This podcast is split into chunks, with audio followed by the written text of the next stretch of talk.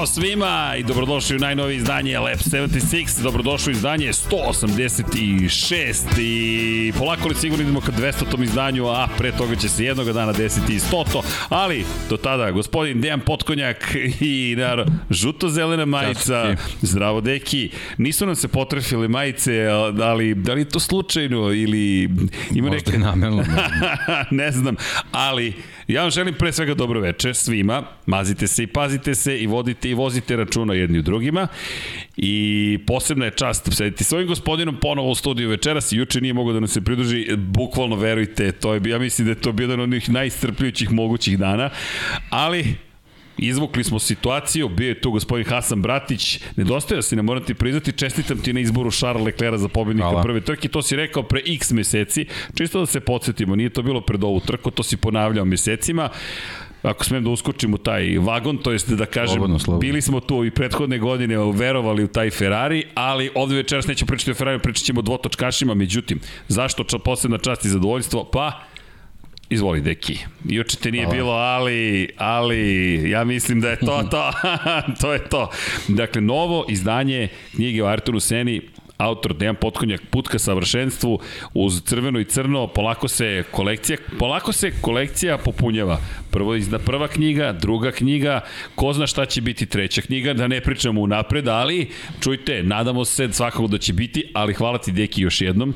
I... Hvala tebi na prilici. Ne, molim te, ne, ne, ovo je sve zajednička. Da, pa sinoć si pričao, ovo je u principu reizdanje knjige, Jest. ali je dopunjena sa svim stvarima koje nije, nisu mogli da, da, da stanu fizički u, u, u, u prvo izdanje eto, čisto zbog, zbog formata knjige, tako da ovo mi je baš bila lepa prilika da, eto, da, da konačno izađe onako kako trebalo da bude, tako da Hvala. Ne, ne, hvala te i tu i unutra imate preko 20 fotografija, tako da znate, e, crno-bele su fotografije, one su originale u boji, ali smo mi hteli jedno crno-belo izdanje, nismo išli kao Kimira i Konin sa tabakom, u poslednju bojama, dva razloga, jedan je da. prosto nekako je prikladno, s druge strane, hoćemo da ostane ista cena, bez obzira na sve ove promene koje se dešavaju oko nas, 776 dinara, dokle god bude mogla da bude ta cena, bit će ta cena, i istovremeno jedan format koji sad polako postaje, čekao, nije Feljton, ali postaje sebe, ozbiljna biblioteka, morat ćemo biblioteka da imam potkonjak da napravimo, ne lepše. Priključite se vi slobodno, nemojte da se A vidi, pa da, da, polako, polako, čekaj, imam ja svoju biblioteku da završim,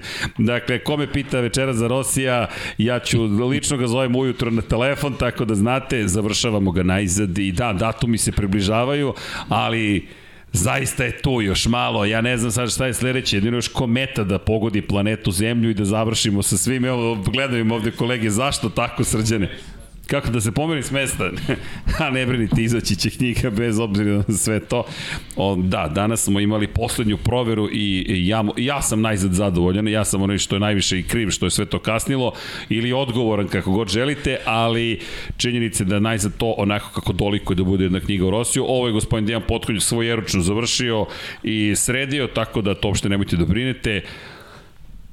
Lektorisano, prelomljeno, upisani Patreoni, tako da znate. Milica sve provjerila, Milica, hvala Milica, Milica provjerila, kako ne, Milica pa Očigrija, apsolutno. sve to sredila, a pritom imate još jednu bitnu napomenu, svi koji ste Patreoni ili ste YouTube memberi, upisane su vaše imena u ovoj knjizi, tako da znate, to je nešto što smo dodali i u Rosijevoj knjizi će biti upisana, tražili smo vašu eksplicitnu i potvrdu, dali ste nam implicitno time što ste nam rekli da dozvoljeno da saopštavamo vaše imena, ali mi volimo da pitamo, to je vaša privatnost, tako da znate. Ali, Skupili smo se zbog Moto Grand Prix-a, tako da kada je reč o Moto Grand Prix-u, iza nas je Mandalika Misterija i da, aluzije, to je Deki smislio, nešto smo pričali misterija, misterija, misterija, Deki kaže čekaj sve je misterija, mora da bude, prva misterija je bila misterija Michelin, onda misterija Mandalika, onda su hvatili Marti misterija, Mandalika misterija i pričat ćemo misteriji Miguel Oliveira je pobedio i to je opet jedna od misterija Moto Grand Prix-a, Miguel Oliveira hoće li pobediti ili biti 14 ali naslov govori mnogo toga. Okrećemo od Michelina preko toga šta će biti s Markom Markezom, kako je to uspeo po kiši Fabio Quartararo odjednom da bude toliko brz, gde su nestali Suzuki ili kako su uspeli da sa dna praktično konkretno Joan Mir dođe skoro do vrha, zašto nije pobedio u celoj ovoj priči Jack Miller koji bi trebalo da dominira ovim uslovima, Što, otko, zašto odjednom je najbolji na Ducatiju Joan Zarko, kako je to i zašto pao Jorge Martin, gde je Alex Rins u celoj priči, da li je zadovoljan, braća Binder, kako je moguće da se odjednom Brady Derin Binder bore rame uz rame kada je ovo Derinu tek druga trka, prva u karijeri po kiši na staroj Yamahi, gde je nestao Andrea Doviciozo i tako dalje i tako bliže, šta bi sa Aprilijama, baš jedna misteriozna trka, šta bi sa stazom, zašto je skraćena trka, gde su delovi asfalta, ljudi, milion pitanja, kako je moguće da jedan Tajlanđanin odneo prvu pobedu u istoriji u Moto2 klasi Somkijat Chantra. Ma I, misterija čisto. I, čisto misterija, to je bukvalno misterija. Od šta se sad dešava? I, naravno jedino da nije bilo misteriozno, gospodin Raketa, Denis Fođe koji je rekao ljudi da vam ja rešim misteriju, nema je u Moto3 kategoriji. I tamo gde treba da bude najveća misterija bilo je najizvesnije nekako, pa sve to večeras ćemo da vam pričamo i tako pričamo. Misterija, pozdrav, još jednom Milana mi večeras ponovo sa nama i Ćao. već se odomaćio sad znak. Gde je, nema ni kucanja, vidiš sad samo, šalim se, naravno, dolazite, u, ko hoće da svrati, nek se javi, ne, ne, ne, polako, polako, na društvenim mrežama, pa da se organizujemo, evo, već reaguju, ga, ne, polako, još nemamo baš mogućnosti i prava da vas sve pozivamo, ali tako da. Elem, da mi krenemo, deki, nedostajao si nam, kažem ti sinoć malo da Formula 1 da se ispričamo, ali zato tu, ako me pitate takođe gde je gospodin Aleksandar Đankić, i to je misterija, zato što je on misteriozni gospodin Đanki Baby, i nikad se ne zna da li će se paviti ili nije, ali ono mi kao dobri duh Kasper, prosto To je, to je stalno svojim duhom, ali fizički pa ponekad se manifestuje. Mi se nadamo da će biti uskoro ponovo sa nama. Ako ste gledali njegove društvene mreže, pre, priprema i on. Podcast priprema on neku svoju priču, hip-hop i tako dalje. Tako da ko je pratio u to vreme MC Besta, sada mu je nadimak Junkie Baby, nadam se da ćete uživati. Who's the Best kompanija, to je da ne kažem band sa početka 90. harali su Beogradom i u neko drugo vreme bili na nekom nestvornom nivou, mi smo tada bili klinci, makar sam, ja ne, ne znam da ti sećaš toga. I, pa, sećam tu se, smo. Da. I kao, ko su ti ljudi i tako dalje. Ali, Neki su nas imali dugu kosu, ili kosu uopšte, tako da, da drugo vreme. Neki od nas su imali dugu kosu, čisto da znate, nisam samo ja u ovoj priči, ali danas je brada duža od kose, makar kod mene. U svakom slučaju, da mi krenemo sa motogrom. Nešto sam raspoložen večeras. Ljudi, udrite like Dakle, ko navija za Ferrari, udrite like, to je sinoć sam shvatio da je to dobar trik, da dobijemo lajkove. I rekao, ok, ako sad ovo ne upali, nikad ništa upaliti neće. Ali eto, kome se dopada Dekijeva boja, neka klikne like. Ovo je Brazil specijal majica, pa kome se dopada shop.infinitylighthouse.com, možete da kupite brazilsku majicu i da uživate, ima raznih majici. I, ej, James Webb nam izašao, da ne kažem svemirski teleskop. Zvanično ne sme da se zove James Webb i nije, nego je svemirski teleskop teleskop, tako da ko voli sem kosmos može da pogleda novu majicu svemirski teleskop Vanja, možda ima u Slacku neka fotografija, to posle možeš da baciš, ne mora sada. No, da mi krenemo od misterije zvane Miguel Oliveira, deki kakva upečatljiva pobjeda za KTM koji sada vodi u šampionatu konstruktora. Miguelu četvrta pobjeda u karijeri, dve ostvario na Teh 3 motociklu pre dve godine u istoj sezoni uspeo u Portugalu da slavi, uspeo da slavi na Red Bull ringu, prošle godine je odvezao jednu super impresivnu, super impresivnu zaista trku sredinom godine u Kataloniji slavio i sada evo ga u Indoneziji, prvi put posle 25 godina mi u Indoneziji, prvi put na stazi Mandalika, kiša, pravi potop sa 27 skraćena trka na 20, Miguel Oliveira gotovo dominantan bez, bez premca u trci. Pa već si rekao, generalno sve njegove pobede su impresivne. Da, to je, eto misterije. Kad, da, da, kad, kada krene u trku, ako je, ako je to njegov dan, jednostavno to stvarno izgleda onako upečatljivo. Tako je bilo i ovog puta, posebno ovaj, je, je dodat, dodatni plus čitava situacija generalno oko KTM-a i one priče oko Bindera u Kataru gde smo se pitali ovaj, o čemu se tu radi, kako sad odjednom taj KTM se tu pojavljuje, a, a M ga nije bilo prošle sezone, M, M nešto na tim testovima nije sve funkcionisalo kako trebalo, očigledno da su oni pronašli te neke tajne sastojke u vidu nekih ljudi koji su došli u, u, u management ekipe, pa, pa se sad mnogo bolje ovaj, uh, rade te neke sitnice vezane za pripremu trke, a generalno kao što i u Kataru mislim da veliki udeo imala inspiracija ovaj, Breda Bindera, tako mislim da i, i o, na, na ovoj trci ovaj, zbog čitave situacije i svega šta se dešavalo i tih nekih neprividljivih okolnosti ipak eh, Miguel Oliveira čovek koji u stvari bio džoker u toj čitavoj priči i, i, i njegova, njegova pozicija na motociklu, ali opet generalno kad pogledamo i Bredovo izda, izdanje i na ovoj i na ovoj trci ovaj definitivno da taj motocikl ima nešto što može da se iskoristi, a očigledno da da te neke anomalije koje se dešavaju tokom trkačkog vikenda ovoga puta idu na ruku KTM. Da, inače kada pričamo o Bredu Binderu, da napomenemo da je njegov motocikl bio zaglavljen kada je reč o sistemu za spuštanje zadnjeg kraja tokom cele trke. Dakle, na samom početku trke, prilikom kočenja ulazaka u krivine, sistem se zaglavio. Tako da on celu trku proveo zapravo sa aktiviranim tim čuvenim ride height sistemom pozadi. Ma on izgleda voli to tako. Da, te, te neke, ne, ne, ovaj, neki da, problem da, da, da, da, da, da rešava probleme tokom trke, tako da to mu u stvari dodatni izazov. Kad je sve kako treba, to apsolutno Suviše ga, jednostavno. Ne radi ga to uopšte, da. da, neverovatno, on je bio osmi da. na kraju da. i onda sam gledao, još nisam primetio, moram predstaviti tokom one haotične završnice, on protiv Brederina Bindera, o kome ćemo tek da pričamo, i sad gledaš Breda Bindera i onda kad je to izjavio, rekao, ajde vratim. I stvarno gledaš, zadnji kraj je spušteniji i gledaš čoveka koji zapravo nema oslanjanje, zadnji kraj je potpuno disfunkcionalan, on je čovjek na osmoj poziciji i rekao je, žao mi je zato što sam imao sjajan motocikl, tako da ne znam, ne znam da zamislim šta bi bilo da i njemu funkcionisao motocikl, možda i dvostruka pobjeda KTM-a, ali deki kao što si rekao, taj motor koliko god da smo se pitali šta će biti s KTM-om, ne, ne, KTM ima 45 po u šampionatu konstruktora i prvu poziciju, prvi put u svojoj istoriji je prvi u šampionatu Ma, konstruktora. Ma čisto. I evo ih, Dragoje Stanišić je me poslao, hvala. Pogled na, eto, kratkih 20 krugova, ali dugih po kiši. Ljudi, sve, ja mislim da dovoljno jasno govori na ovom grafikonu. Miguel Oliveira od kruga broj 8 Kada je spustio tempo ispod 1.40, nije više bio sporiji od 1.40. Dakle, 1.39.8, 9.5, 9.6, 9.2, 9.2, 9.5, 9.7, 9.4, 9.5, 9.8, 9.2, 9.3, 9.7. Deki, to je u, poki, u potoku. Impresivno, ne, nema šta, zaista.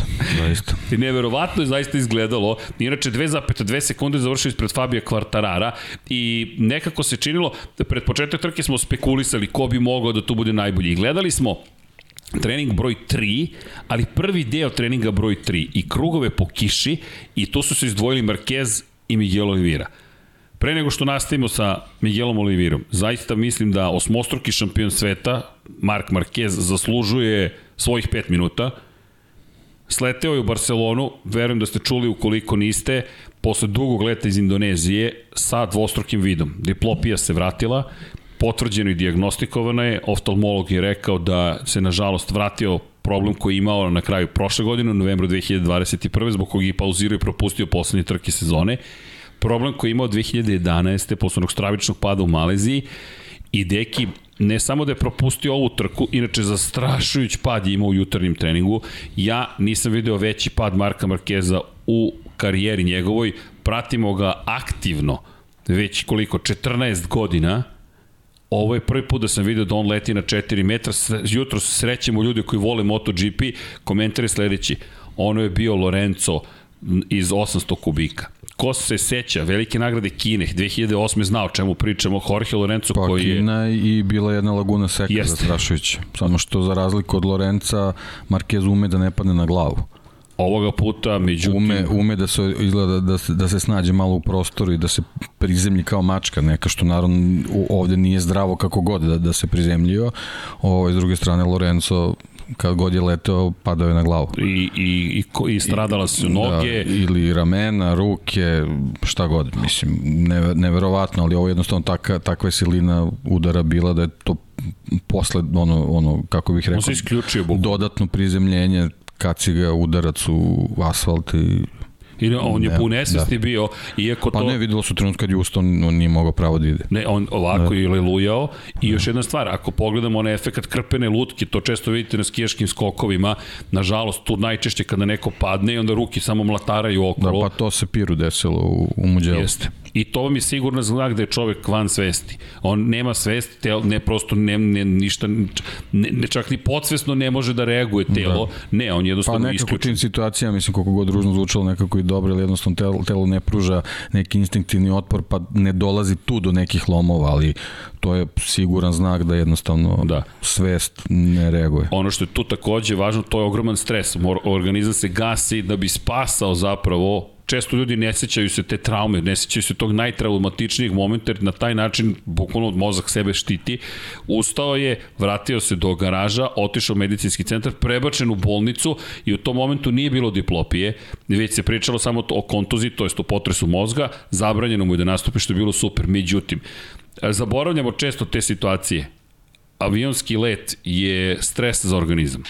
Koliko god je to postala svakodnevnica. Za one koji eventualno ne znaju kako se penjemo, idemo na otprilike 11 km, to je krstare, vrsina krstarenja tih prekookeanskih dugačkih letova, dolazi do sledećeg kako bi izdržao pritisak, to jest ma, mali pritisak koji je s polja, jednostavno se naduva praktično avion, zato su i na primjer i nitne sa unutrašnje strane zakucane, pod pritiskom je avion, ali da ne bi bio pritisak kao na nadmorskoj visini, veštački se spušta pritisak na visinu 2000 metara.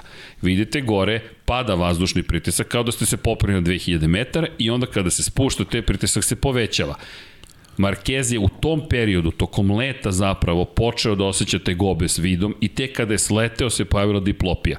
Dakle, taj let Indonezija, Španija, koji delo, ko sedneš u avion ideš, još letiš Mada meni, moram priznati, makar to moje iskustvo, teže da letim na istok, istok nego na zapad, ali opet to je dugačak let.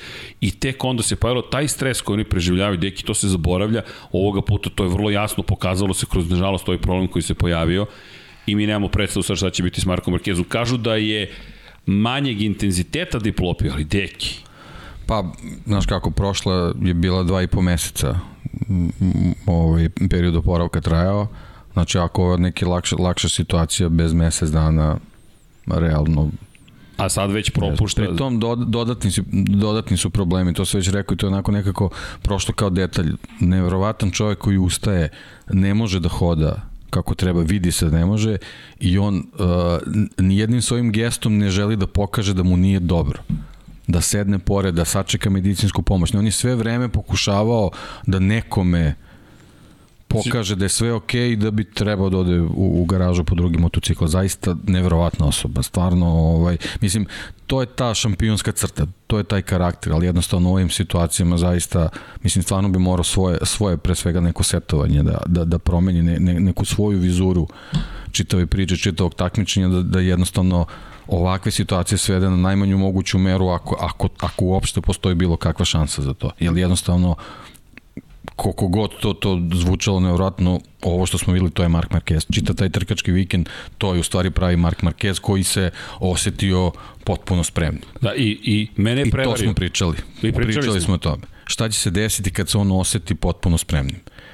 I šta I će evo, se desiti kada ponovo padne? Jer da. već smo tada pričali da je, ako si ti vratio posle 10 godina, takav problem, takav, takvo dijagno, takvo jednostavno stanje, kakva je diplopija, koje su šanse da sledeći put kada padneš i udariš glavu, se to neće vratiti?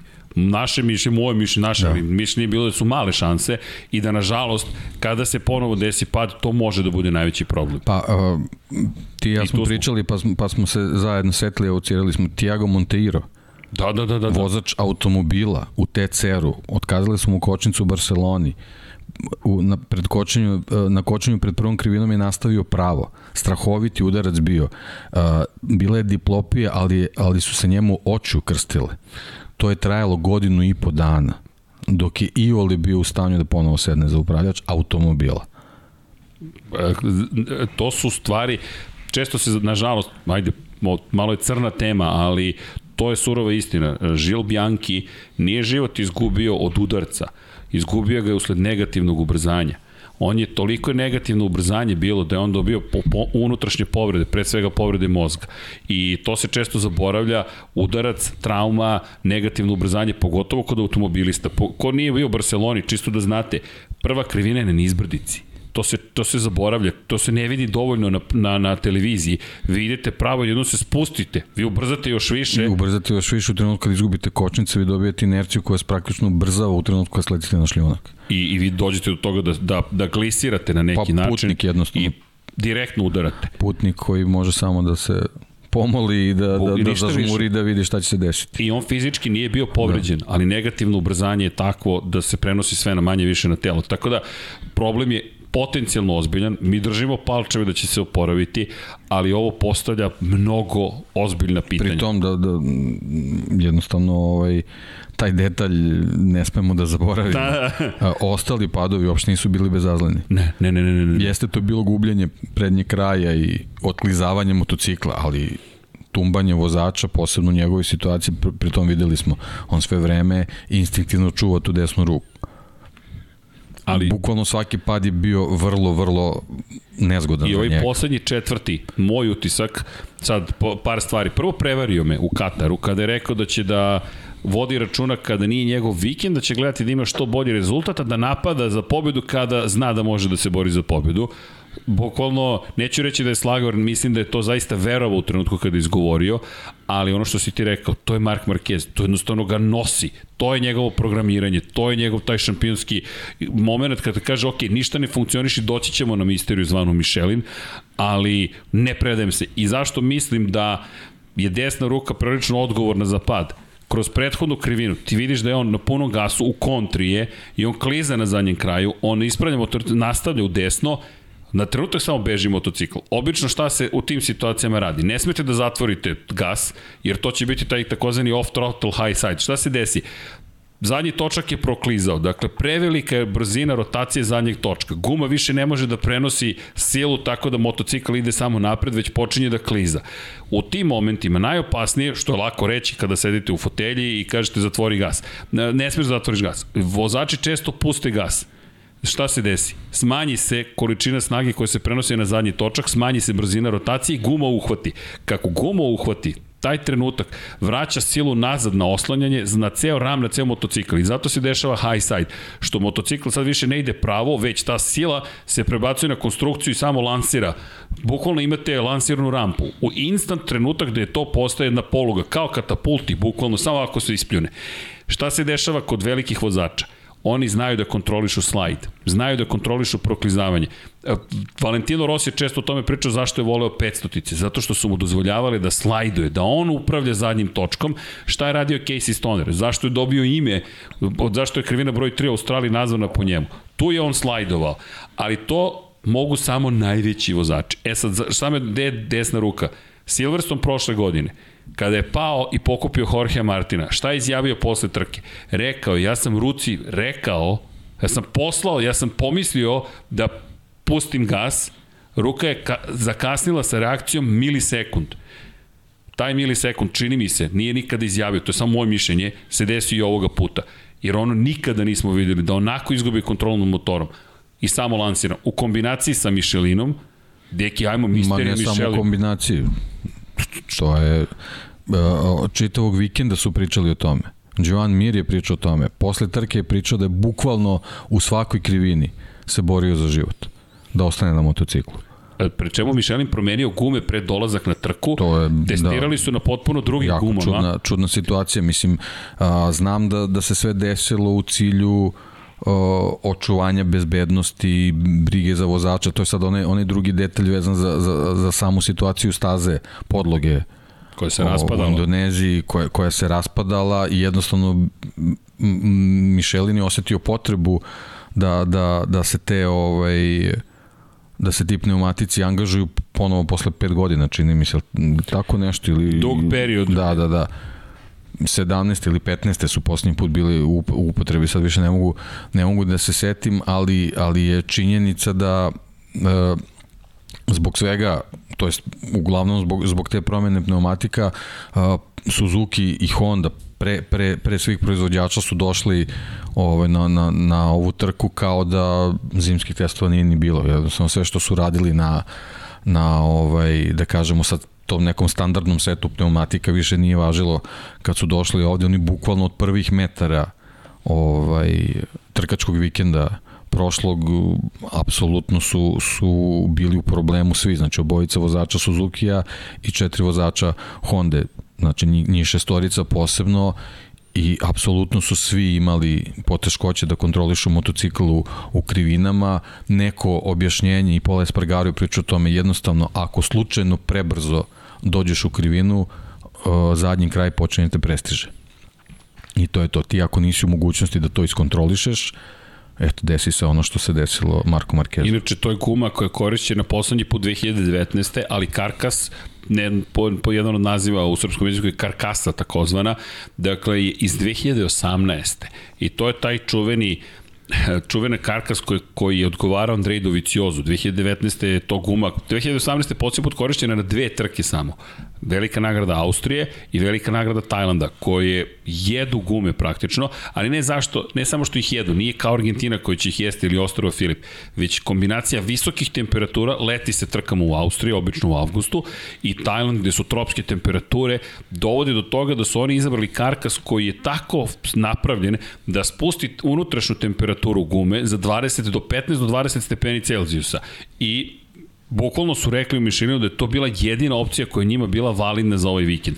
E sad, pa to da, je ali reći. veliki, veliki problem je bio što su ekipe došle sa setupovima sa zimskih testiranja. Jest koji su se desili četiri nedelje Tako ranije. je, e sad, sad to, je, to je ta u stvari misterija te priče. Svi ostali Tri. koji su takođe došli sa tim setupovima, mnogo bolje su proradili na tim novim gumama za Suzuki Hondu apsolutno ništa nije funkcionisalo sa tom novom zadnjom gumom.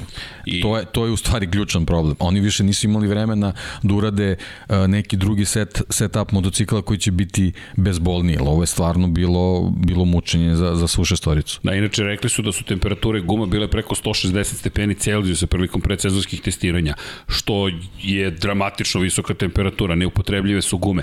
Ali se vraćamo nazad na to i šta ti je lutrija i šta ti je misterija? Prošle godine smo imali situacije gde je Michelin, zahvaljujući tome što koristi između ostalo kore pomoranđi u izgradnji svoje gume, došao do toga, s obzirom na činjenicu da organski materijal, nije konzistentnost uvek ista. Da to je konzistentnost je problematična, zato što to prosto organski materijal. Živa, živa stvar. Živa stvar. I uvek ima blagu razliku prilikom proizvodnje. I nikad ne znaš koju ćeš gumu da dobiš. U MotoGP-u gde hiljaditinke odlučuju, to je postalo kritično. E sad, i prethodnih godina gume su bile toliko kritične. Za Doviciozi i Ducati 2020. je bila katastrofa kada su promenili upravo i prešli na ono što sada u velikoj meri koriste tada su stradali zapravo Ducatijevi korisnici i do nekle Hondini pomoglo je Suzuki i Yamahi. Opet ista priča, sad vraćaju se unazad, oni su se prilagodili ovom novom, opet oni trpe. Deluju mi čisto ovako zaključak da su najpodložniji promenama guma Honda pod broj 1 i onda Ducati. Suzuki ovoga puta međutim je to stradao, ali možda je to samo lutrija, ko to zna? I to je opet ta misterija. Pa, problem je što je nisu, nisu testirali ove gume. Ne. Oni su bukvalno bili zatečeni čitavom situacijom. Samo su im dali gume i rekli dali su im gume, e sad možda zbog tih nekih ranijih iskustva možda su Ducatiju mogli nešto da koriguju, pa se isplatilo donekle, mislim, Makar nije, nije baš nešto specijalno bilo, a čitava priča sa KTM-om je eto možda bila neka lutrija gde oni možda ni krivi ni dužni kad su stavili te gume shvatili su da taj motocikl funkcioniše fenomenalno. Pri čemu? Mi smo na kraju imali trku po kiši, tek to je problematična situacija jer veliki broj vozača, ići ćemo i kroz vozače, je rekao da je zapravo gubio kontrolu nad prednjim krajem. Mi sad, jer Michelin je i prednju i zadnju promenio, pa, nije to a, samo zadnja. Iz, iz priče Mira i Rinsa, a, oni su imali veliki problem s prednjom gumom, zato što zadnja nije funkcionisala i imala tendenciju da, da, da, da, da pretekne, pre, pretekne i onda su oni bukvalno uh, kroz krivine kormiral, kormirali prednjom gumom koja nije mogla to da izdrži i pregrevala se. Tako da, Rins je imao dva incidenta, tako je, to je, to je, malo nije pao. Tu se napravilo ta, ta, ta, ta neka, neka situacija da ti jednostavno si prinuđen da radiš nešto a, za što znaš da neće moći da funkcioniše dugo, ali jednostavno prednja guma nije, nije dizajnirana da izdržava ta, takve situacije. I sve to je dovelo do toga da Marquez kaže, ok, Honda je u problemu, ljudi, nijedna Honda nije prošla u Q2 deo kvalifikacija. Sva četiri vozača, Mark Marquez, Pole Spargaro, koji se bori za pobedu u prvoj trci sezoni to A upečatljivo. od navedenih vozača samo je Rins prošao. Sa, pa, zapravo, pa Da, Rins je jedini otišao u Q2, Mir je ostao na 18. poziciji, tako da bukvalno ni on nije uspeo. Samo je Rins nekim čudom bio najbolji u kvalifikacijama. Pa, ja sam rekao da će biti dobro. Slušajte Dekija, šta Deki kaže. Dok su jele bile normalne desiti. situacije, čak, Ali, i, čak i sa, sa evo, takvim problemom je Suzukijeve bio... boje. Da, da, da, da, čak i sa takvim problemom je bio okej. Naravno, na trci to nije moglo. Jedan krug je okej, ali voziti će to Ne, ne. trku na taj način, apsolutno Ma da je on ne. zadovoljan. Rins je, Ne, ne, oni su zadovoljni, pred svega izvukli su živu glavu obojicu, drugo, pa pogledaj Mira, mislim, Mir je, Deki. Mir je fenomenalno iščupao vikend. Misterija univerzuma, sledeća. Ko je vodeći u šampionatu sveta? Ko je vodeći u šampionatu sveta? Jel znate? Enea Bastianini. Nismo ga spomenuli do ovog momenta. Enea je završio na 11. poziciji i on je rekao, ok, dok sam shvatio kako ovaj motocikl funkcioniše po kiši. Pa, a, Bukvalno. ogroman problem je imao zbog anomalije zvane Derin Binder, ali Da. da. pričat ćemo, Pričat da, Derina, o da de. Derina nije bilo, da, da nisu bili, da nisu delali asfalt poslednjih par krugova, Enea bi bio mnogo bolje plasiran. Da, ali Derin, ali čekaj, Derin zaslužuje kviska ovoga puta. Derin je odvezao Majstorski. zaista. majstorsku trku. Stva, zaista je majstorska kad, trka. kad, eh, kad nema ovaj situacije gde, gde je ogromna razlika u kvalitetu motocikla, kao što ovoga puta nije bilo, Da. Ovo, stvarno se vidi da zaslužuje mesto. Moto Grand Prix, mo, mislim jednostavno mora, mora to da se kaže. I ja sam, baš sam ga i hvalio tokom Ovom vikenda. trkom je apsolutno pokazao da, da, Tek i njegov da osmeh. ume da, da razmisli. E sad jedino malo da nekako ne znam u čemu je problem. To, to, to moramo da pratimo tokom sezone i da, da vidimo da, da ovaj, možda, možda posvetimo jednom priču, priču tome kad se neko nađe pored Derina Bindera nevero, u neverovatnu nervozu upada iz nekog razloga. E, Jesi primetio kako se on, promeni on, ne, njegovo on ponašanje? ništa ne radi loše Ne, u tom trenutku, ne. ali nekako Bastianini je pogrešio zbog toga. Ne znam, da li, da li oni očekuju da će on nešto nepredviđeno da uradi i onda ispadaš iz koncentracije i krećeš u neku putanju koju u ludilu ne bi izabrao i onda se desi haos. Ali- ali neverovatno je da svi ulazu u nervozu kad se nađu s njim Dobro, to je reputacija, pretpostavljam. Pa da, ali on ništa nije uradio. Ništa nije uradio, čovjek je sjajno vozio staru Da, Yamahu. da. Samo da se setimo, to je stara Yamaha iz prethodnog, ali to pričali smo u Kataru kad je rekao, ma dobar je to motocikl, samo je to prokomentarisao.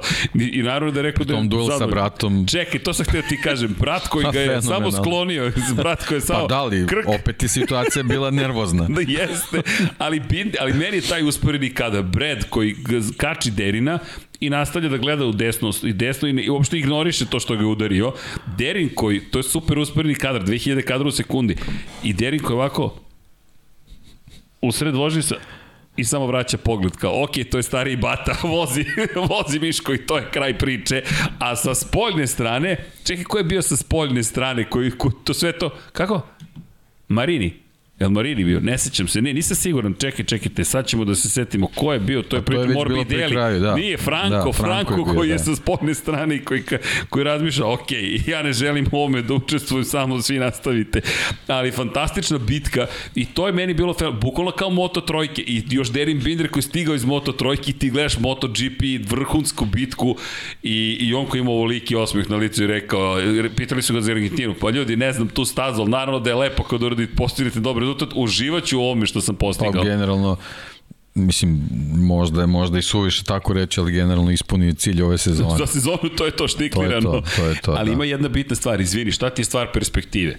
Svi kukamo na gume, Mišelin, Mišelin, Mišelin, a Binder koji kaže nisam, ne mogu da verujem da imaju ovoliko prijanjanja gume. Pa ne, ne, ne na Binder, generalno kad pogledaš Yamahe, ajde čak i Doviciozo u, neko, u nekom delu trke. Znači, Yamaha me definitivno čitava priča odgovarala. I, I čak i Franko Morbidelli bio zadovoljan na kraju, rekao ima tu još po stvari koje kroz podešavanje moramo da namestimo, neiskusni smo, ekipa ne zna Pa kako da to iskoristi. i on je, mislim, sve momke smo naveli koji su bili, oni su jako dugo vozili u toj grupi. Jesu. I u ovoj čitavoj priči sa stazom i generalno ovaj sa sa kad kad se radi o, o performansama motocikla kad si u grupi jednostavno ne, ne možeš da uradiš više.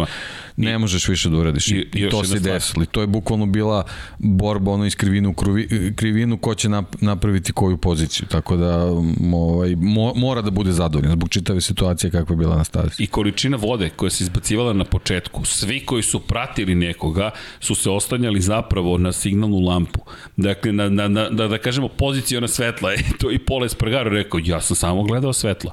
Ja sam samo gledao svetla i u početku tek kasnije, a inače Pol koji je bio potpuno pot, frapiran zapravo celom situacijom, samo jedna napomena, to nismo rekli na početku, evo misterija.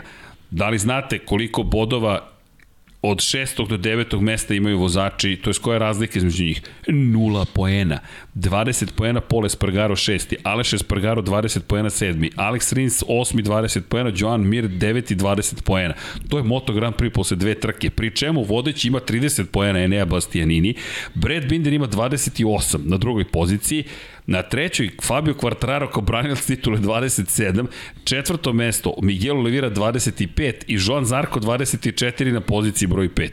Od 10 poena spakovano je 9 vozači. Tek onda do Franka Morbidelija skok od velikih 6 bodova na 14 poena i onda Jack Miller 13, Mark Marquez 11 i tako dalje. Derin Binder inače 13 u šampionatu, ima isti broj poena kao Takaki na Kagami, ima poen više od Luke Marinija, dva više od Maverika Vinjalesa, tri više od Aleksa Markeza, četiri od Andreja Dovicioza, klubskog kolege i pet više od Remija Gardnera i Francesca Banjaje. Od Francesca Banjaje, čisto da napomenem, to je čovjek koji treba da se bori za titulu, Banjaja posle dve trke ima jedan poen.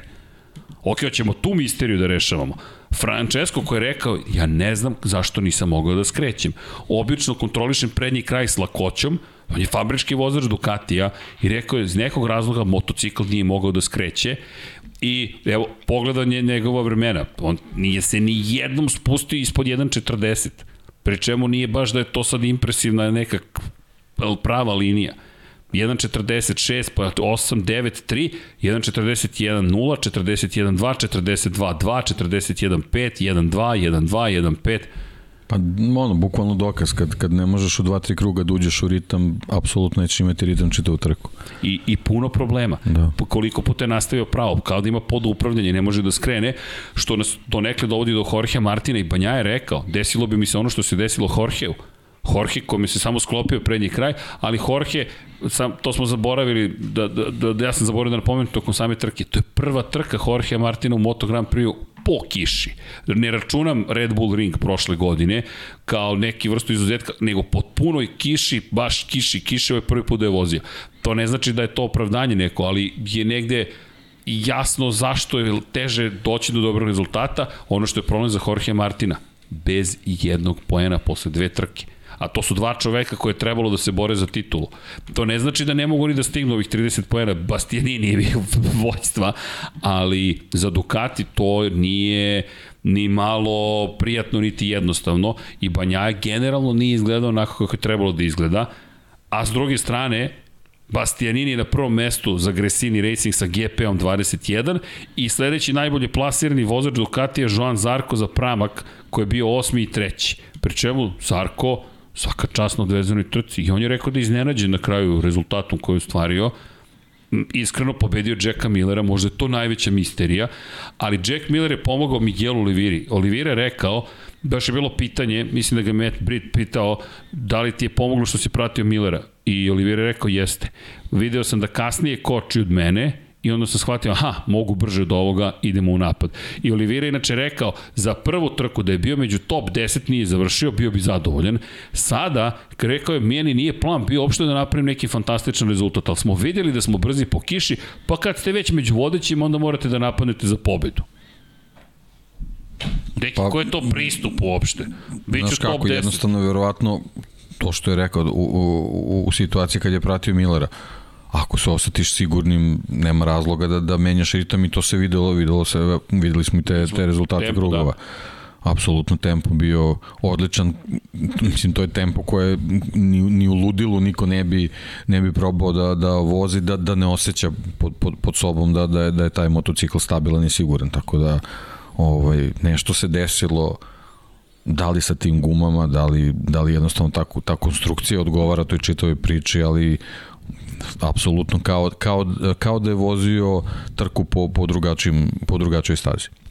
I na kraju opet impresivni, impresivan rezultat vratili smo se to malo na Liviru, ali prosto ima sve ima ima vezu pri čemu nema osobe koja nije pričala o tome da imala probleme s gumama. Da li pozadi, da li napred, ali stalno problemi s gumama. Pre čemu nismo se ni dotakli asfalta koji se raspadao, Rinsko je postavio fotografiju na, na Instagram na kojem su prolazili komadići asfalta kroz zaštitnu opremu, ispod zaštitno, ispod zapravo majice i završavali na golom telu. Ovako tačkice od asfalta je imao po sebi i nažalost moram da konstatujem da je trka na kraju sprovedena u delo da bi se desila. Jer to je bio veliki i politički moment, pojavio se predsednik države, ni manje ni više. Ljudi, ta država ima preko 100 miliona stanovnika, to je ne samo ogromno tržište, to je jedna velika, ozbiljna država, ostrovska, i dolazi predsednik tako velike države na da dodeli trofeje Moto Grand Prix trke. To je velika stvar. Ali istovremeno to je politička stvar. Vi sad morate da održite trku, bukvalno. Inače, borna kola su se pojavila noć pre u u cilju zaštite predsednika države, to je prosto protokol, vojen, vojna policija, vojska, policija, to je ozbiljno obezbeđenje, to Moto Grand Prix nije prikazao, Dorna to ništa nije prikazala, ali bukvalno ukoliko pratite naše kolege koji su bile na stazi, pod opsadom je manje više bio pit lane. Bukvalno pod opsadom i taj događaj morao da se desi. Na kraju smo imali šamanku, čekaj. Šamanka koja se pojavila da poštujem svaku lokalnu kulturu, posle nekog vremena kiša je zaista stala, i, i, i, i, ali dalje sam bio zbunjen, moram priznati situacijom, jer odjednom žena bosonoga ide po startocinu pravcu, munje lupaju okolo po, po krivinama i, i ti gledaš ženu koja je izašla i kao sve, sve će to da bude okej. Okay. I na kraju je bilo okej. Okay. Kako god, ne znam da li da kažem hvala, ali činjenica da je to bila jedna specifična scena, rekao bih, iz Indonezije. Inače, Indonezija, tome smo pričali, Tomi Suharto, čovjek koji je osuđen za ubistvo, je dizajnirao prethodnu stazu u, u Sentulu. Tako da nekako uvek kad dođeš u Indoneziju je zabavno šarenoliko i pa deo folklora. Pa bukvalno, inače Lombok koji je dosta daleko od Džakarte, Džakarta koja je poludela za MotoGP-evcima, baš je bilo ludo, Ovde 62.000 ljudi, ali i dosta praznih mesta, šteta, nadam se da će to da se nekako reši, ali eto, svašta se događa. Samo da ne zaboravimo i taj detalj da je staza, ja mislim da, da na bilo kom drugom mestu, da se ovako raspadala staza, trke ne bi bilo. Bukvalno trke ne bi bilo i mislim da ako Mandalika treba da ostane na kalendaru, će do naredne godine morati ne da samo presvuku novi asfalt, nešto ozbiljno da učini. Ja ne znam kako će to da reše, deki. Drenaža očigledno funkcioniše, ali kako planiraju da... da, da... Pa, eto, generalno, angažovanje neke od, od ovih specializovanih kompanija koje se bave tim projekcijama stazu, a samo, samo to angažovanje predsednika može da ima tu pozitivnu stranu u smislu da jednostavno će se budžet odvojiti i uraditi sve što je potrebno da, da bude kako treba. Mislim, čitava ta euforija i taj njihov entuzijazam može da bude eto, nek, neko osiguranje da, se, da će se to zaista desiti, ali naravno ne, ne mora to ništa da znači, ali generalno mislim da je to jedini put, znači jednostavno angažovati firmu koja ima iskustva sa, sa ovaj, pripremama podloge na, na trkačkim stazama i jednostavno njima prepustiti da to urade kako treba, posebno što će oni sigurno imati u vidu i te monsune i vlažnost vazduha i tako dalje i tako dalje i uradite sve bude kako treba, ali to, to što kažeš dobra polazna osnova što stvarno deluje da je drenaža skroz ok. Tako da ovaj mislim ima tu posla, ali generalno mislim nije nije sad neka neka situacija koja ne može da se reši, ali videli smo videli smo i tokom tih predsezonskih testiranja da, da na toj stazi ima više različitih vrsta problema zbog vremenskih uslova, tako da stvarno time mora se pozabavi neko ko, ko, ko može da proračuna sve, sve parametre i da uradi to da bude kako treba. Držimo palče. Bukvalno, staza sama po sebi nije loša, naprotiv, konfiguracija... Ne, ne, sasvim okej. Okay. Sasvim okej. Okay. Baš, baš, baš onako izazovno za motociklista. Da. I, I to, teče. I brzo idu krugovi. Baš sam bio frapiran, iako traju minut 40, na primjer, brzo se završi. Toliko ima krivina, toliko ima situacija u kojima se vode bitke, nekako je lep krug. Nema odmora. Da, nema odmora. I, i, i, i baš su lepo išle trke. Jedno po jedno, jedno po jedno, baš su lepo išle. Inače, ovo je tek početak, ljudi, misterija, pričamo o misterijama, zaista su misteriozne stvari. Zašto Ducatija nema u samom vrhu koji bi trebalo da bude? Zašto Miller nije pojedio? Da pričamo o Milleru. Miller koji inače imao problem sa načinom na koji je vozio Fabio Quartararo. Doći ćemo i do toga kako je otkud Fabio Quartararo na poziciji broj 2, postoje briljantne vožnje, možda i njegove najbolje vožnje posle dugo vremena, jer dosta je trka imao u kojima je nekako dominirao sa, sa, sa čela karavana. Sada ti u sred, ajmo, Quartararo, ipak se otvara priča. Nekako, gledaš čoveka koji uči kako da vozi po kiši uživo. Meni je to bilo fascinantno i odjednom kako raste njegova agresivnost, pri čemu izlazak iz poslednje krivine u jednom momentu delovao, evo, ovo je fenomenalno, pogledajte kako vreme, vreme pada. I krenuo je i onda pada, pada, pada, pada, pada. E, moment presudni, krivina, to je krug broj 9, kada je spustio vreme ispod 1.40. 1.39,9. To je dve desetinke bolje nego što su bila prethodna dva kruga. Sledeći krug, meni deluje, da je to onaj moment, aha, to, ovako, to se ovako vozi. 1.39,5, ti četiri desetinke nađeš. Naredni krug je u koliko? 35.000 tih delova sekunde identičan u odnosu na prethodni, onda spuštaš vreme na 1.39.3, onda ulaziš u bitku i onda spuštaš na 39.0, 39.0, 39.0, to su tri kruga za redom po kiši, 38.7, 8.9.9.0.9.0. Pogledajte, to je od 14. do 20. ravna crta. Fabio Quartararo je otkrio kako da vozi po kiši. Jack Miller inače rekao da mu se ne dopada šta je uradio Quartararo. Kada ga je pretekao Miller, odmah je ubrzao Quartararo i to je ta odbrana, idemo odmah pun gas i rekao to je već jednom radio protiv Joana Zarka, ići ću da popričam sa Fabijom Quartararom, Jack voli da priča s konkurentima, ali Quartararo rekao ne zanima me.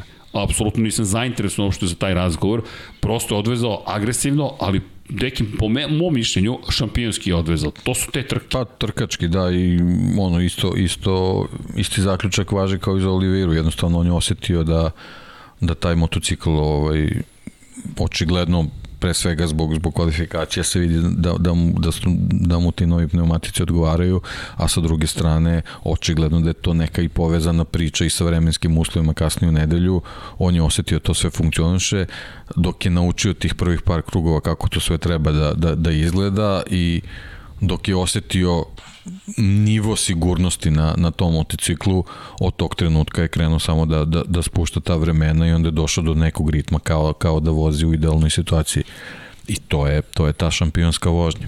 Jer meni Mislim, koji smo već videli od njega, jednostavno, on je čovjek svetski šampion i to sad više ne treba ni da bude upitno da li, da li ovaj, dobro vozi po suvom ili po kiši ili ne znam da li mu trebaju brze staze ili ovakve onako, on je jednostavno svetski šampion, svetski šampioni moraju da budu jednostavno dobri u svim, u svim uslovima i on je to i ovde pokazao, a, a slažem te to vezano za, za taj kako bi to nazvao, duel, kontakt, duel, kontakt. kontakt sa, sa Millerom, mislim, ne znam, ja nisam to nešto specijalno ni primetio dok nisam počeo da, da čitam na sajtu, pa sam video da, da, da tu se sad pravi neki big deal oko toga. Pa ne, jednostavno, vidjeli smo mnogo agresivnije vožnje, tako da, ne znam, mislim...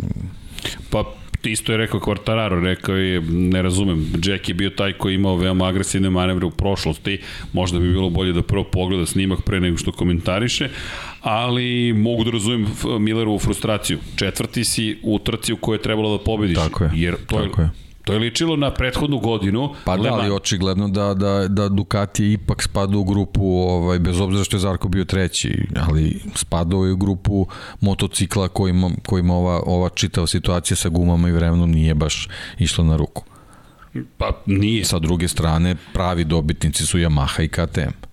Ako pogledaš Ducati, da nije Zarko došao na pobjedničko postolje, ovo bi bio katastrofalan vikend za Ducati. Bastianini prosto se nije snašao po kiši, Banjaja, ne znam ni koji komentar da dam, 15. pozicija, to je apsolutno Ma opet, opet ista priča, mislim, bukvalno ću iz, iz vikenda u vikend to ponavljati. Bastianini ne vozi, to nije, to nije novi Ducati.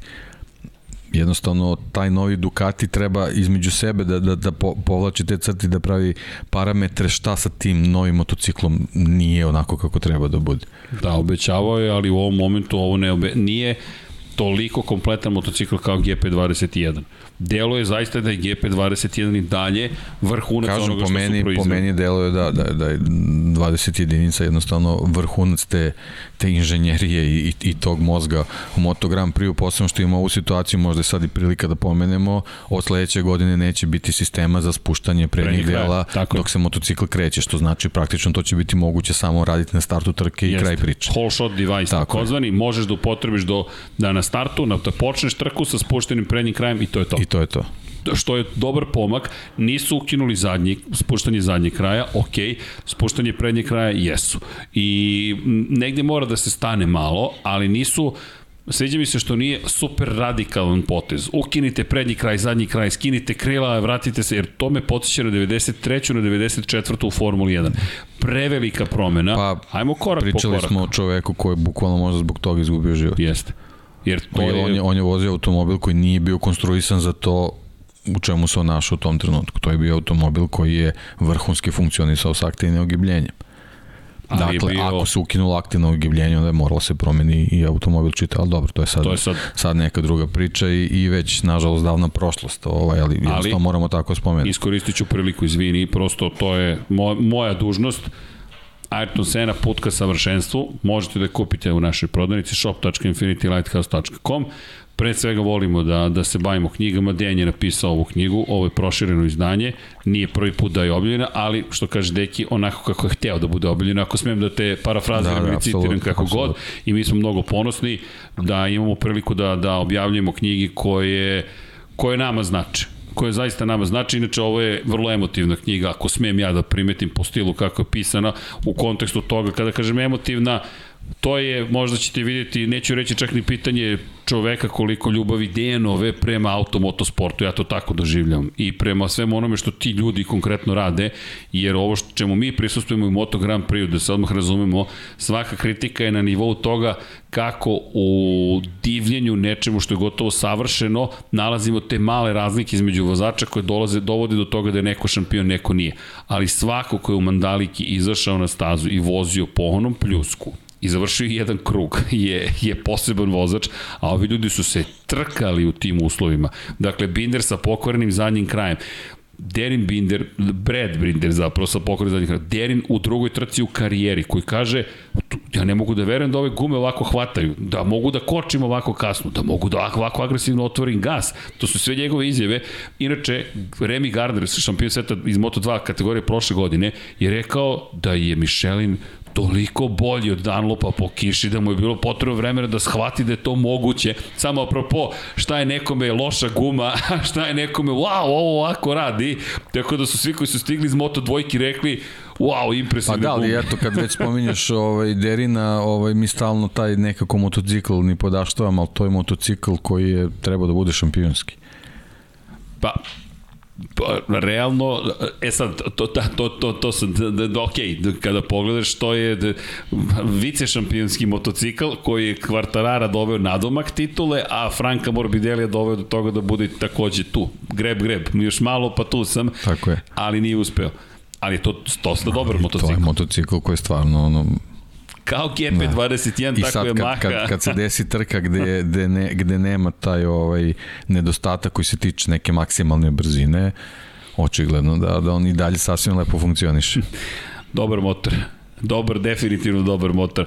Ali e, samo hoću da kažem da svi ovi ljudi su posebni zaista i to ono što možete da nađete u svim knjigama. Za, mi se tome divimo svakako, tako da možete da vidite neki pogled i eto, moja topla preporuka zaista, ali, ali mi nekako se spojila priča upravo sa tim promenama i to, to zapravo kidanje, spuštanje prednje kraja, mislim da je pozitivan potez. Ajmo malo da se zaustavimo pre nego što ovo postane toliko tehnološki razvijena kategorija motociklizma da više ne znamo gde smo.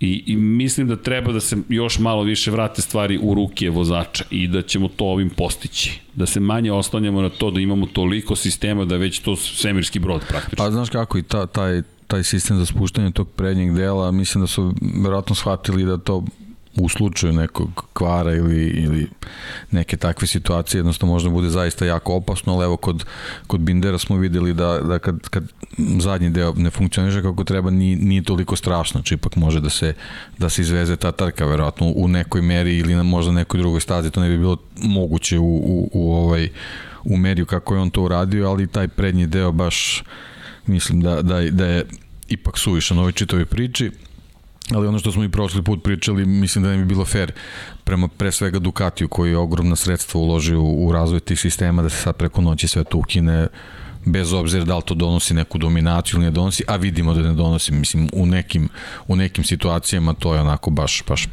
maksimalna Problem. prednost i velika, a opet sa druge strane očigledno da nije to toliko bitno, već, već treba gledati pre svega kao neki tehnološki napredak koji će možda u nekoj budućnosti poslužiti da se serijski motocikli ovaj, bolje razviju i da budu sigurniji. Jeste, ali tu postoji jedan dosta velik problem. Takav je pravilnik Moto Grand Prix-a da nema nazad za one koji su izabrali GP22. Zašto? Možda bi oni mogli da uzmu šasiju od prethodne godine, ali ovaj motor teško da će stati u tu šasiju, a vi morate da zadržite motor koji ste izabrali, homologacija mora da ostane ista. Specifikaciju A su izabrali Jack Miller i Francesco Banjaje, specifikaciju B za 22. su izabrali zapravo pa, Martin i Zarko. Pa to je generalna situacija sa Markezom. I Marin. Zašto ne može on da se vrati, ne znam, neku možda stariju Honda koja bi mi njemu odgovarala, jednostavno to nije moguće po ovim pravilima. Tako je, on ne može sad da uzme motocikl iz prošle godine, mogao bi da uzme ceo, sve, kompletnu kotrljajuću šasiju što kažu i da izvadi motor i da ga stavi. Samo što nisu iste tačke kačenja motora, nisu iste tačke kačenja oslanjanja, vi ne možete tek tako da uzmete to da spakujete. To je ozbiljan tehnološki poduhvat. Inače, to je nekada ranije bilo moguće. Ako se vratimo u 2000 šestu godinu. Rossi je do velike nagrade Lemana koristio šasiju za 2006. Pa da, ali mislim da i Marquez jedne godine isto se 2015. vratio na staru, na staru šasiju. Tako je, tako, 2000, pa da. 2015. To je godina kada su se Rossi i Lorenzo borili za titulu, kada je Marquez do polovine sezone bio ozbiljnim problemima, onda je uzeo šasiju iz prethodne godine i gurnuli su motor iz 2015. Ali ova nova Honda je toliko dramatično, radikalno drugačija odnosu na prethodnu godinu da to nije moguće. Ovo je prosto, ne možete da uzmete sad ovaj motor i da ga stavite u šasu iz prethodne godine. Ne možete. I samim tim GP22 je nešto čemu moraju da se posvete u Ducati. To ono što si rekao. Sad moraju da ga razviju dalje, kako god znaju umeju, a do tada GP21 i dalje ostaje kao bombonica jedna koja je potpuno spakovana, gde nastaju problemi. Sledeća trka je Argentina Da, vratili su se u Evropu da bi skočili do Južne Amerike, ali nema delova sada koje ćete vi da spakujete i platite logistiku do Buenos Airesa da biste onda platili logistiku da vam se od Buenos Airesa na severozapad Argentine prebaci sve to. To se zaboravlja ponekad koje su to razlije, koje je to logistička noćna mora. Zapravo ti, ti, ti moraš da budeš toliko precizan u organizaciji logistike da ti si već uveliko sve to isplanirao.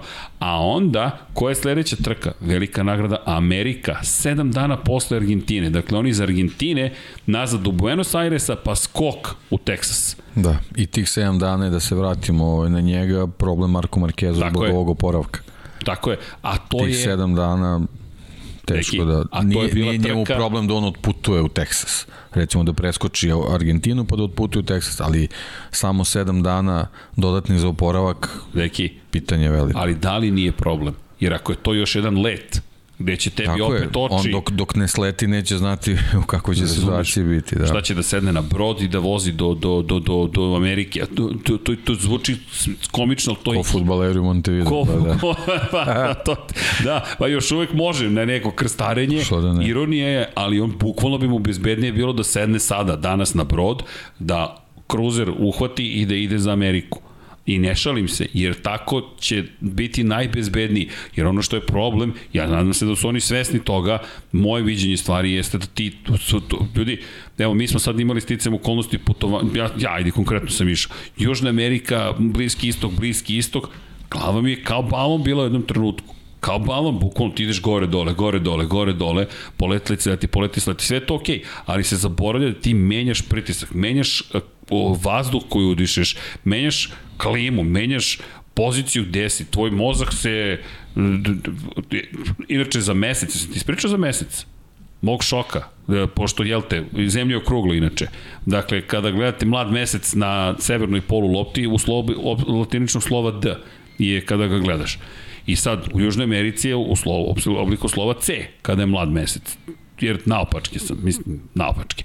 I sad bliski istok, prvi put sam bio na bliskom istoku ili na toj poziciji negde blizu ekvatora, gledam i vidim mesec koji ovako stoji. I onda se setim, a zato u arapskim svim kulturama stoji mesec, sa 46 godina nikad mi to nije ne pamet, nego aha, to je deo umetnosti, kulture da tako stoji. Ne, on tako izgleda tamo, mislim, čisto izvini, digresija, ali sad zamislite mozak njih, vozača, kada, a, a vi se orijentišete po nečem, pa onda vidite mesec ovakav, pa onakav, pa ovakav, pa onakav, putujete gore, dole, levo, desno, vlažnost vazduha je 50%, idi sada nazad u Španiju, to je tamo iz Vlažnost vazduha i vazdušni pritisak, to je ono ludnica neka, pritom ti si, da sve drugo zanemarimo, ti si u trci 45 minuta sa otkucajima srca 150 do 180. I to je samo trka, ne trening još prije. Kažem, sam, samo, sve da zanemarimo, samo drugo samo, trka. samo probajte da sebi nabijete puls 45 minuta, držite na tom tempu.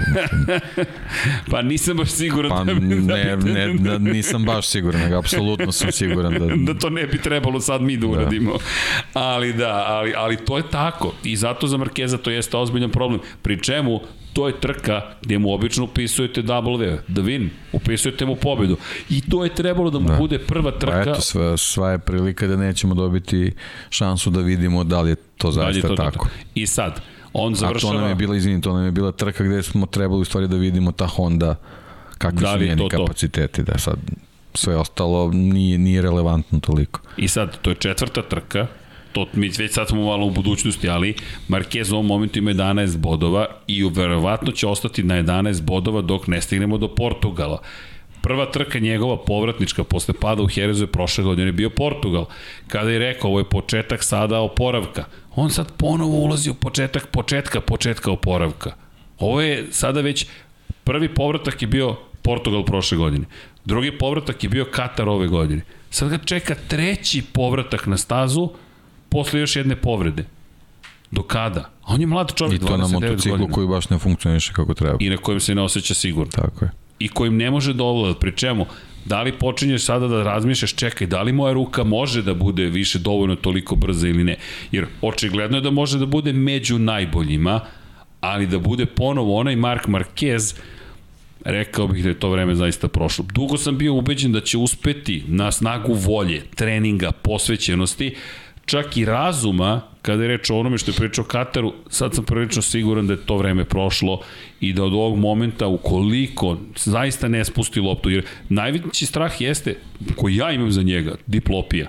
Ljudi, ako on zna da će padati, i ako se njemu malo, malo vrati diplopija sad, jer ovo sada je, nije posle 10 godina ponovo stanje. Ovo je stanje koje se vratilo posle koliko? 4 meseca me, mene plaši ako njega ne plaši. Pa, ali okay. jednostavno čitav taj sistem je roviti dalje i to, to, to zahteva mnogo duži oporavak od, od same činjenice da se u nekom trenutku taj vid vratio. To, to nije oporavljen sistem, znači verovatno treba dosta vremena da prođe da bi, da bi to sve došlo u neku normalu, ali to je već toliko već oštećeno i, i ovaj, izmučeno da, da svaki oporavak će verovatno trajati duže, bez obzira što sad ova čitava situacija će trajati kraće, ali sve Ali, deki, ukupno to baš mora mora dosta vremena da proći. Ja mislim da njemu treba jedna sezona pauze, što je nemoguća misija u Moto Grand Prix-u. Pa da bi to se fizički i on oporavio. jednostavno on, on njegov kod nije takav. Nije, nije. Ako, ako treba da bude pauza, onda neće više, neće više ni voziti. Mm, inače, Honda, od sve te priče da želi novu Hondu kojom svi mogu da upravljaju, je sa Lomboka otišla sa 4 poena. Honda ima 20 bodova u šampionatu konstruktora, zauzima petu poziciju i to samo zahvaljujući činjenici da je njen vozač Pole Espargaro bio treći u prvoj trci, a njegov brat bio četvrti na Apriliji. Honda ima isti broj poena kao Aprilija posle dve trke. 20. To je opet peto mesto za Hondu. I sad Pole Espargaro koji se vratio nazad, opet je priča kao što je bila. Takaki Nakagami Ne znam ni kako bih komentarisao. Alex Marquez, ne znam šta da komentarišem. Pogotovo Alex Marquez, zašto?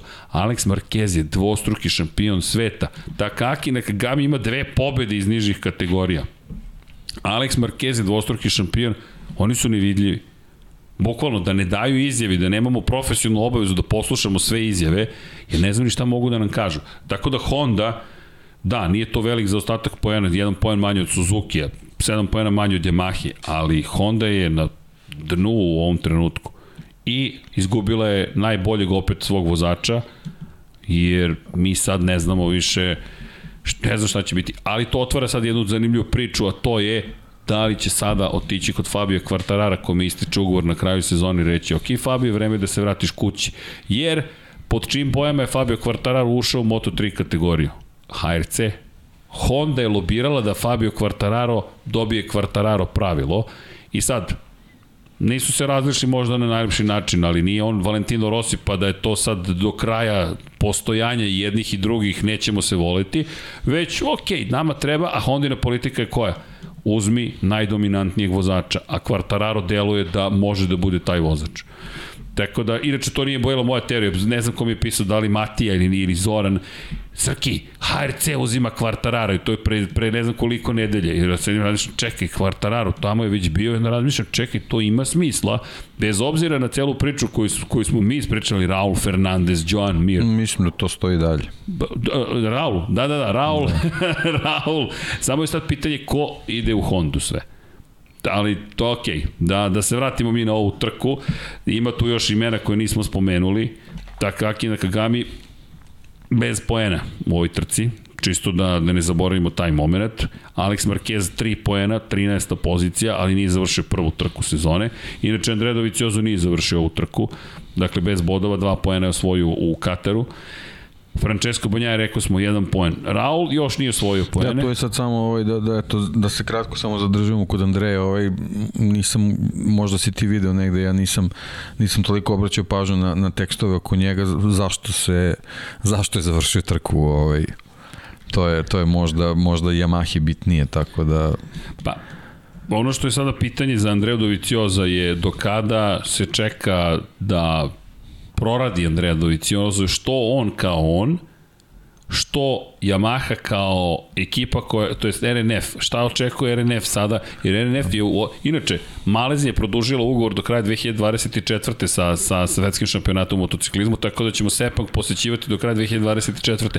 Ali se sad da, i Petronas je sponsor sa je sponsor. povećanjem ovaj sponzorskog paketa. Povećanje da. sponzorskog da. paketa i sada, i to se posto postavlja pitanje na društvenim mrežama, čekaj, Petronas je povećao koliko će da investira u sponzorstvo same trke, ali nije hteo da investira u samu ekipu. Rekao bih da nema veze sa ekipom, nego da je to lični sukob. Razlan Razali je bio šef Sepang International Circuita, Sic, Sić, kako god želite, i Petronasa u isto vreme. I onda je on to spojio, sponzorstvo Petronasa i Sepang International Racing tima, onda je preuzeo tim, dobio, dobio Kvartarara, Morbidelija, kasnije Rosija, neko je došao u Petronasu s kim se on nije slagao, rekao nema više tog sponzorstva, nestali su Moto3 Moto2 ekipe, on je otkupio RNF, ali verujte, ne bi me iznenadilo da Petronas formira novi tim u Moto2 i Moto3 kategorijama u bliskoj budućnosti, samo pokazuje kako je u korporativnoj kulturi lični sukob. Može da i tekako ima ozbiljne posledice, jer Petronas očigledno nema nameru da ne troši pare u Moto Grand Prix, samo kod koga i kako, to se postavlja kao pitanje. Ali dobro, to su dobre vesti da ćemo imati Sepang, nego čisto da spomenemo i RNF. I sad to je pitanje šta, šta, šta, šta sada? za, za, za RNF, tek je početak sezone, ali da li je Jer pazi, ako je Derin Binder bio u celoj priči u borbi za osmo mesto, Andrea Doviciozo je morao tu da bude. Prosto je nekako morao. Pa ne, posebno što su druge dve fabričke Yamahe dobro funkcionisale u ovoj, u ovoj situaciji, u ovoj anomaliji uh, i, i, i, i kad, kad pogledamo i njegove kvalitete, jednostavno on je trebao da bude na toj poziciji da je bio Binder. Da, inače ono što je on rekao konkretno je da je, su se desila dva problema. Kontrola starta nije funkcionisala i tokom trke nije mogao da menja mapiranje motora. Sad to je problem sa novom Yamahom ne sa starom Yamahom. Dakle, malo me podsjeća, moram ti reći, na Formulu 1, na Red Bull, na te probleme.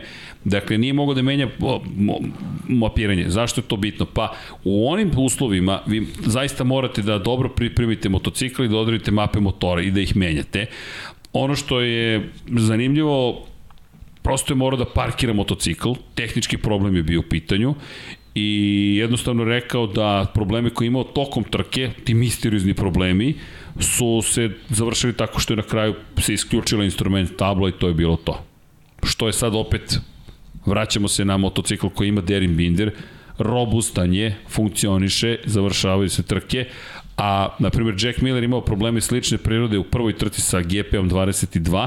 Imam utisak da su fabrike otišle toliko daleko u potrebi da razviju svoje motocikle, da sada već guraju granicu preko onoga što, jer pazi, KTM se pokvario kod Breda Bindera, ali bio dovoljno funkcionalno da završi trku, Ducati se pokvario kod Jacka Millera na prethodnoj trci i sada se Yamaha pokvarila ovde, a Honda nije funkcionisala ok s novim gumama, ali makar su stigli do cilja.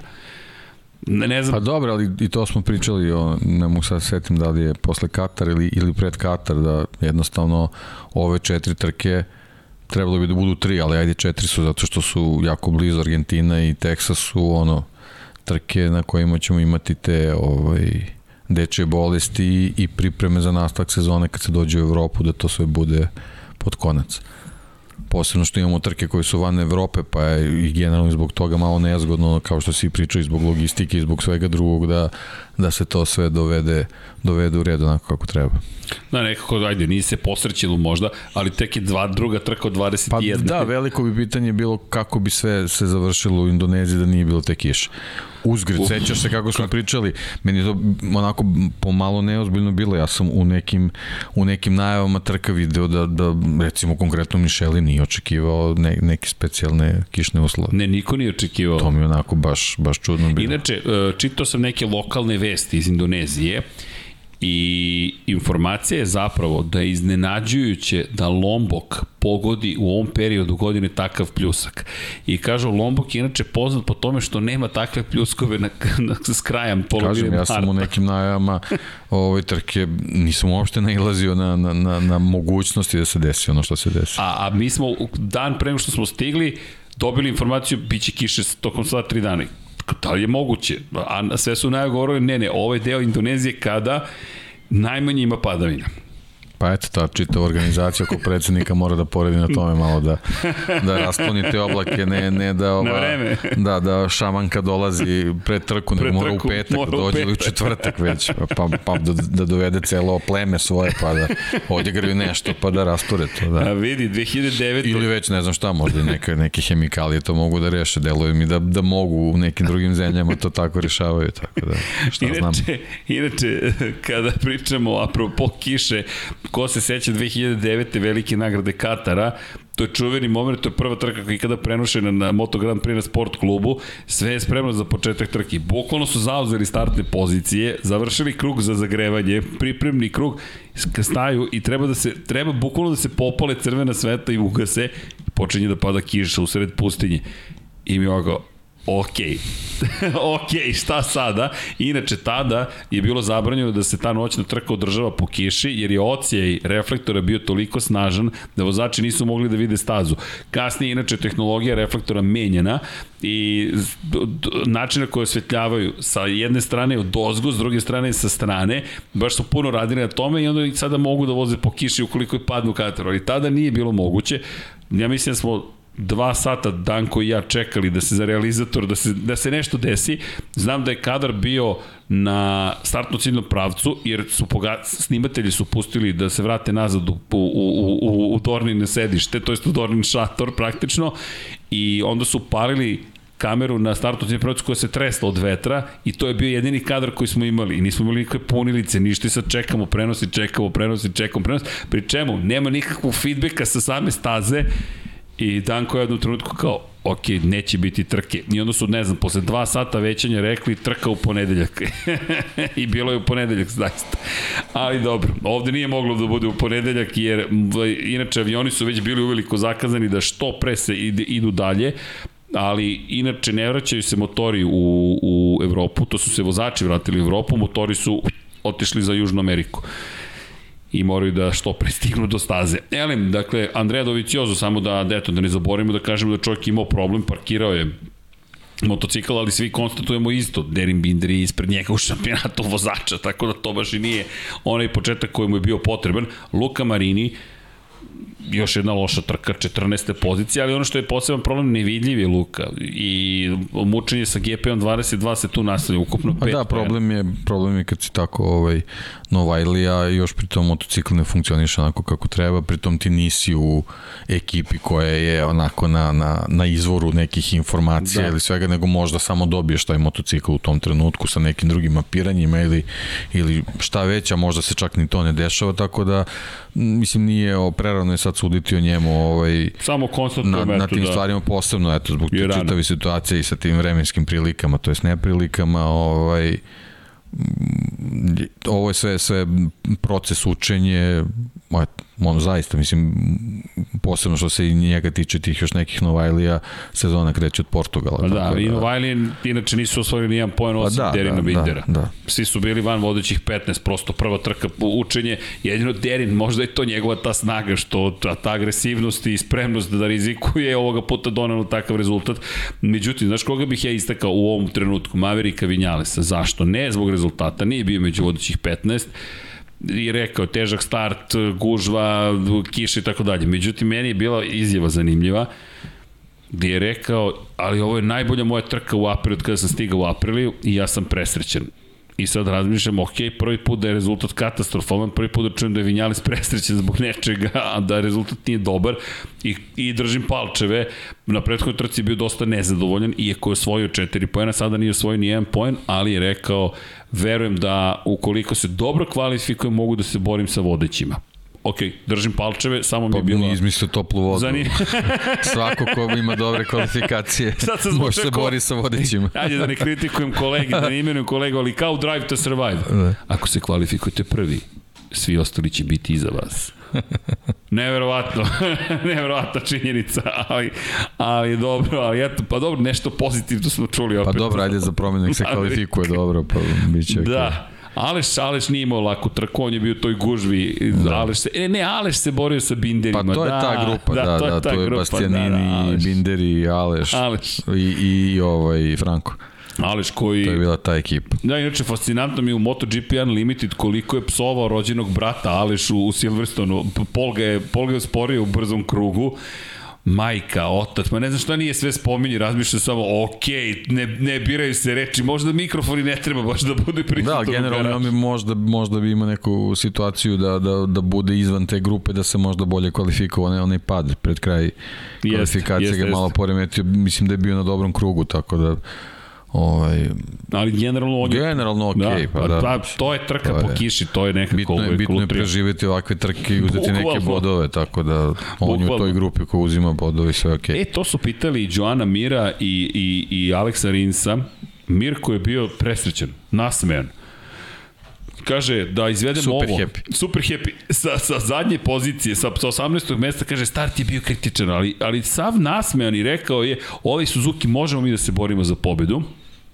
I I, i, i, i nije rekao ništa loše, naprotiv, rekao je moramo još da poradimo na podešavanjima, sve je to okej, okay, ali okej, okay, teške kvalifikacije, ti se manje više se mučio po suvom i opet ko zna, po suvom ko zna šta bi bilo. Inače, ko zna šta bi od staze ostalo da je bilo voženo po suvom, jer ti kada pogledaš ta visoka temperatura, oni su stvarno, oni su u predsezonskim testiranjima lansirali šljunak to je 350 km na čast i pošalje tane jedno u vetromansko staklo, tako da na kraju to ispalo dobro, ali konkretno u, ajde, u, u ovoj situaciji Mir, Mir nekako pazi, 20 poena, ja mislim da ga Jack Appleyard pitao da li ti ovo onaj moment kada je bitno svojiti ove poene i bitno je da setit ćeš se ove trke negde na kraju sezone. I Mir koji kaže ne, ali onda pokušao da bude pristojan i kaže vidi, ovo je tako mali broj poena, jedno pobedničko postolje ovo rešava. A tako je. I oni i Rin su na, na 10 poena od lidera. Bukvalno. Tako da nije, nije to pa ništa posebno. I Rinsko je rekao, srećan sam, ja sam zadovoljan. Kako je moglo da bude ovo Ja kažem, super. eto, da, da su bili neki normalni uslovi, je, mislim, ja sam i tipovao na, na Rinsa generalno. Tako da, o, dobro, eto, nažalost, stabilno. nećemo, nećemo, nećemo nikad saznati, saznati, ali dobro. Ali drži se Rins, to je ono što je pozitivno da. u celoj priči, završava trke, to je ono što je bio njegov da. problem. Pa da, eto, njemu je, njemu je za početak neki fokus po meni, mislim, važno je da, da drži korak sa mirom, da, da, da bude na tim bodovima, ili to za njega možda bude dovoljno samopouzdanje. Lepo rečeno. Da drži, to ti, da drži to mira u... I potvrda tako, i motiv. Tako, a da sad kažeš, sve ostalo sam... za dalje, to, to si, ti si tu. To, Jasno. To je, ali, ali glupo je bilo da još jednu sezonu bude iza timskog kolege. Ili, Iako, ili da bude predaleko, da, makar mislim, da je su ja tu. mislim da je, da je mir bolji, kompletniji i tako dalje, ali generalno ovaj Rins ima svoje potencijale i u principu na stazama gde može da iskoristi, on to mora da uradi, tako da ovako skupljanje bodova uopšte ne može da bude loše na kraju.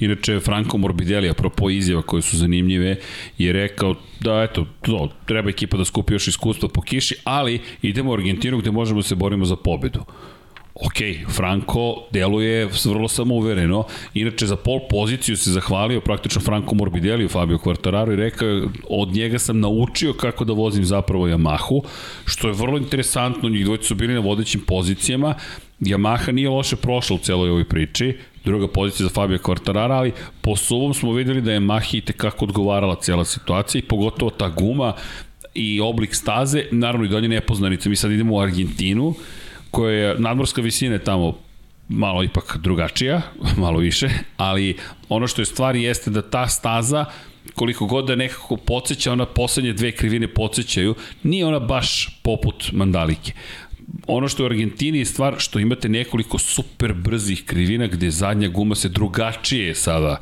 pregreva i vidjet ćemo šta će Michelin uopšte da donese u Argentinu. Mi to sad nemamo predstavu, ja mislim da će timovi biti vrlo zabrinuti. I još jedna stvar, idemo na stazu koja nije tako mnogo korišćena. Svetski šampionat u Superbajku prošle godine jeste bio na Termas de Ondo, ali mi ne znamo u kom je stanju sada za, za konkretno ovu trku. A ne bi bilo prvi put da je prljava ta staza. Pa Tako. da, i generalno ne znamo tokom COVID-a da li su neke lokalne trke tamo uvožene, to eto, možda bismo mogli to da vidimo, da proverimo to što kažeš, jer generalno asfalt, ako se ne koristi neko vreme, trava počne da probije. nije, nije ovaj asfalt nešto što no, ovaj, što je toliko izdržljivo, tako da a posebno u, u tim, tim predelima kao što je Argentina, tako da Raz, razni uticaji su ovaj, rastinje atmosferski, moćno. pa da. Jest. Dobro, ne sam, ja šalim se, ne samo rastinje, nego dobro, dobro, znam, znam. atmosferske prilike su takve da, da ovaj, jednostavno mora da se koristi, mora se održava, tako da vidjet ćemo. Da, inače, za Termes nije neka ogromna razlika kada je reč o nadmorskoj visini, 265 metara je nadmorska visina Termi, tako da nema tu neke sad ogromne razlike, ali eto, čisto da i o tome razmišljamo, vlažnost vazduha možda, ne znam, da li će biti, to su ipak, to su terme, to je, to je spa, to je banja. Da. Bukvalno tamo imate tople izvore, idete tamo da se lečite na, na, na oporavak, ali eto, to je isto promocija turizma, Zašto inače pored Džakarte nije iskorišćena staza? A to je neki drugi predsednik pravio, to je neka druga vlast pravila. S druge strane, hoćete Lombok da popularizujete kao mesto gde dolaze turisti. Džakarta je već jel te poznata kao glavni grad Indonezije, tako, to su sve ti neki potezi kao Argentina. Nećemo pored Buenos Airesa, nego hoćemo Termas da promovišemo, da naučite da postoji i više od Buenos Airesa u Argentini, tako da sve su to neke odluke na, na nekom drugom nivou iz perspektive toga da promovišete turizam svoje zemlje. I to je isto okej. Okay. Ono što se meni dopada kod Termi jeste što zapravo sama staza, kada pričamo o, o stazi, je dosta dobro renovirana kada je to rađeno. I Arno Zafeli je radio tu stazu, ja volim Zafelijeve radove iskreno i ceo njegov studio dobro radi, tako da eto, to može da obećava, ali ono što je samo rekao bih važno da napomenemo, sada je već 10 godina od kada su oni radili re, renoviranje te staze. I tako. A, dobro, da se vratimo samo jedna stvar, da, ne, da nam to ne pobegne. KTM je prvi u šampionatu konstruktora, 4 pojena ima više od Ducatija, Yamaha je treća, 27 bodova ima, zaostaje 18 pojena za KTM. Pazi, sad već 18 pojena, naravno, toliko je sve ludo, brzo to može se promeniti. Onda Suzuki, 21 pojen i Honda i Aprilia po 20 što ti kažeš, šampionat sponzora, Red Bull KTM Factory Racing je na prvom mestu takođe prvi put u svojoj istoriji i to za sponzore nije mala stvar.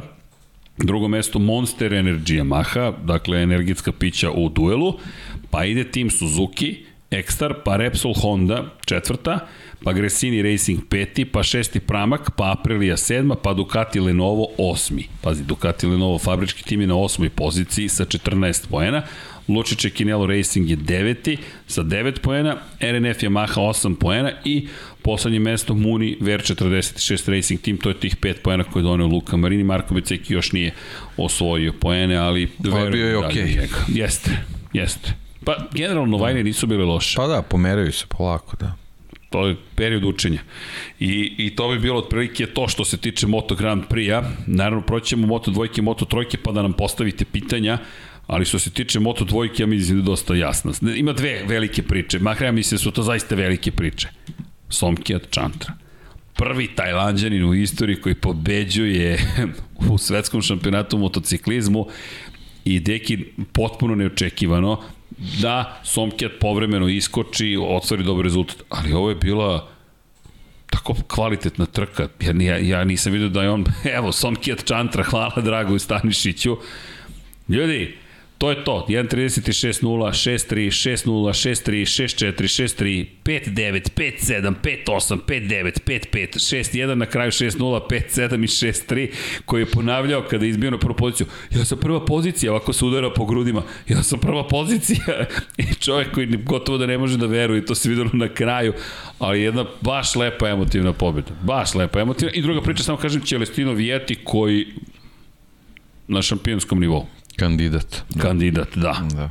Pa ne, što se tiže Čantre, sve si rekao, pritom definitivno se videlo da, da čitavo to okruženje, taj, taj, taj, taj balon koji se, u koji ušao tamo u Indoneziji jednostavno mu prija i, i ono čovjek koji tako s vremena na vreme može da, da uzleti, da, da, da zasija ovde iskoristio maksimalno čitavu situaciju i sad se čitaju i ta, ta vremena, mislim, nema stvarno šta da doda, mislim, jednostavno on se osjećao apsolutno sigurno u čitavoj priči i nije, nije bilo nijednog trenutka da može da se vidi neka nesigurnost, mislim, koliko, koliko smo mogli da ga pratimo, koliko bi u kadru, tako da jednostavno ono, mnogo mi je drago da se pojavi tako neki novi pa, da. pobednik, a sad sa druge strane to je onako zaje u guru sad već malo znaš kako Problem. Problem, jer ti, Problem. Ne, ti si neko ko treba konstantno da isporučuješ dobre rezultate, pa i da dođeš do te konačno neke pobede i onda se ovako pojavi neki čovjek koji onako, mislim, ima tu ovaj, amplitudu rezultata, ali onda bum, pobedi. Jednostavno, ovaj, mislim, viđali smo ranije, desi se da, da, da pobede dođe onaj od kojeg se to ne očekuje, tako da... Ali lepo bi bilo kako jest. se nametnu na početku nije uopšte prezao duela i ulazimo u duel pa mora tako, idemo. mora tako, mora tako. Svako, svako ispravljanje motocikla ti donosi neku nesigurnost koja ti tom krugu oduzima 4-50 tinki. I to je ti kraj. si već završio priču. Ali, da, ali mnogo već lepo završio priču, tako. To, to ti isto priča Quartararo Miller. Ne, nema, ne, ne možeš da odustaneš iz tog duela. Ne, ne, ali mnogo je lepo bilo i ja sam se frapirao, moram ti priznati, kad sam Somkjet, ali pazi kad istog trenutka kada je krenuo da vodi, Razmišljam, to je to, mi ovog čoveka više videti nećemo. Jer zašto? Skraćene su trke. U duboko sam da, ubeđen da, da. je to pomoglo. Jer tebi je odsečena poslednja trećina. Da. Šta je poslednja trećina u Moto2 trci? Pa i u svim trkama. Tu je moment da vidimo ko je sačuvao gume. Odjednom je neko Somkijat i ne samo njemu rekao, slušaj, radi s gumama šta želiš. One će izdržati tih 16 krugova, umesto 24 da. ti voziš 16 krugova. Deki, to je izvolte gume, ali ali treba ih iskoristiti. Svi ostali su mogli tako da uništavaju tako gume tako i nisu to uradili. Somkit imao ozbiljnu prednost na kraju trke, samo je nestao da ja sam se potpuno duševio i bio sam baš siguran da će neko da iznenadi, jer to je prilika za sve koji ne znaju kako da očuvaju gume, da kažu, e, okay, dajde vidimo sprint, šta ja mogu u sprintu? Ili da... ne znaju general se sačuvaju kao Jake Dixon. kao Jake Dixon, jao. Da, neko je rekao kad sam počeo da hvalim da li Dixon ili neko drugo, Erceg ako kaže svanuće sigurno je kraj sveta. I rekao, ba ne, rekao, okej, okay. ali baš, ali da, Jake Dixon, da, Nemam komentar, samo... Pa ne, eto, već smo, već smo rekli, da, to, ovo, to su, to. ovo su trke koje samo trebaš da preživiš i završiš jednostavno. Bukvalno. Tak, tako se složi taj vikend i moraš, moraš malo da, da ovaj, razmišljaš, a posle kasno, znaš ti, kad, kad, kad završiš loptu, posle, kad čao. kreneš se udaraš u kacigu, nema toga ništa. Ajde kad spomeniš Britance, da, da spomenem i ja Britanca, da spomenem čoveka koga nije bilo na stazi, John McPhee ali u Moto3 klasi, samo kratko, doći ćemo na Moto3. Čovjek se povredio na motokrosu. Dakle, sad više ne, ne znam ni šta bih rekao. Dobro ti krene sezone, sve super, i sad imaš novi problem. A ovo još nisi izveo, još se nisi povredio između dve trke u svojoj karijeri, taman sada kad si potpisao za Husqvarnu, ali dobro. Žao mi je, samo to hoću da kažem i da, žao mi je, ali, ali prosto to, to je situacija u kojoj se našao. Somkjet Čantra, čovek koji, pričali smo o njemu pre tri godine, zašto?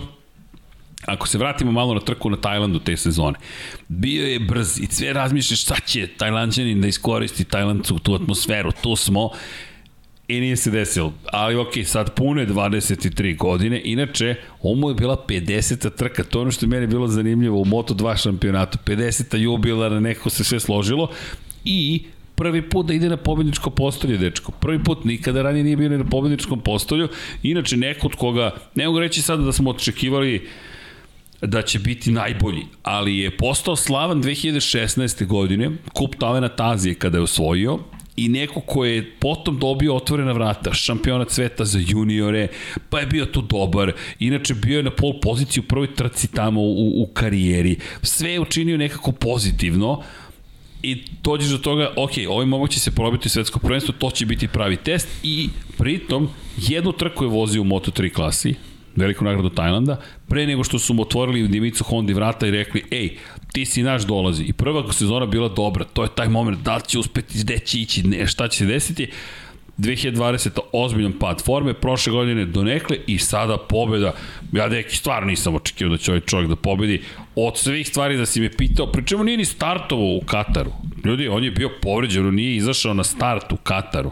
Ovo mu je prva trka ove sezone i dominacija. Tako da, ok, prijatno iznenađenje, Tajland ima prvog pobednika u istoriji. Da, dominacija, eto, opet samo da se vratim na Dixona, ne, ne znamo šta bi bilo da eto nije izgubio taj, taj prednji kraj, ovaj, ali na tu može samo na sebe da bude ljut jednostavno. Da. Mislim da je, da je prefosirao bez obzira on izjavljivo da je otprilike na identičnom mestu kočio kao i prethodnim krugovima, da ne zna šta se desilo i tako dalje, ali mislim da samo na sebe može da bude ljut pre svega ako se setimo njegovog izdanja na Le Manu iz, iz, iz, ovaj, u sličnim uslovima gde je takođe ovaj, završio trku pre vremena, ovaj, jednostavno mora da mu bude žal, očigledno da mu odgovaraju ovaj, trke u promenjenim vremenskim ne? uslovima i ovo je već druga prilika koju propušta i eto, mislim, mora iz toga da, da uči, ali mora da nauči što pre. Pa znam, ali deki, ovo je priča koja se sad već ponavlja, ne. pri čemu koje, iako sam bio ubeđen da je našao nešto u sebi i, i, i opet, ovo je druga trka da on pravi greške, neki koje, koje utiču na samopouzdanje,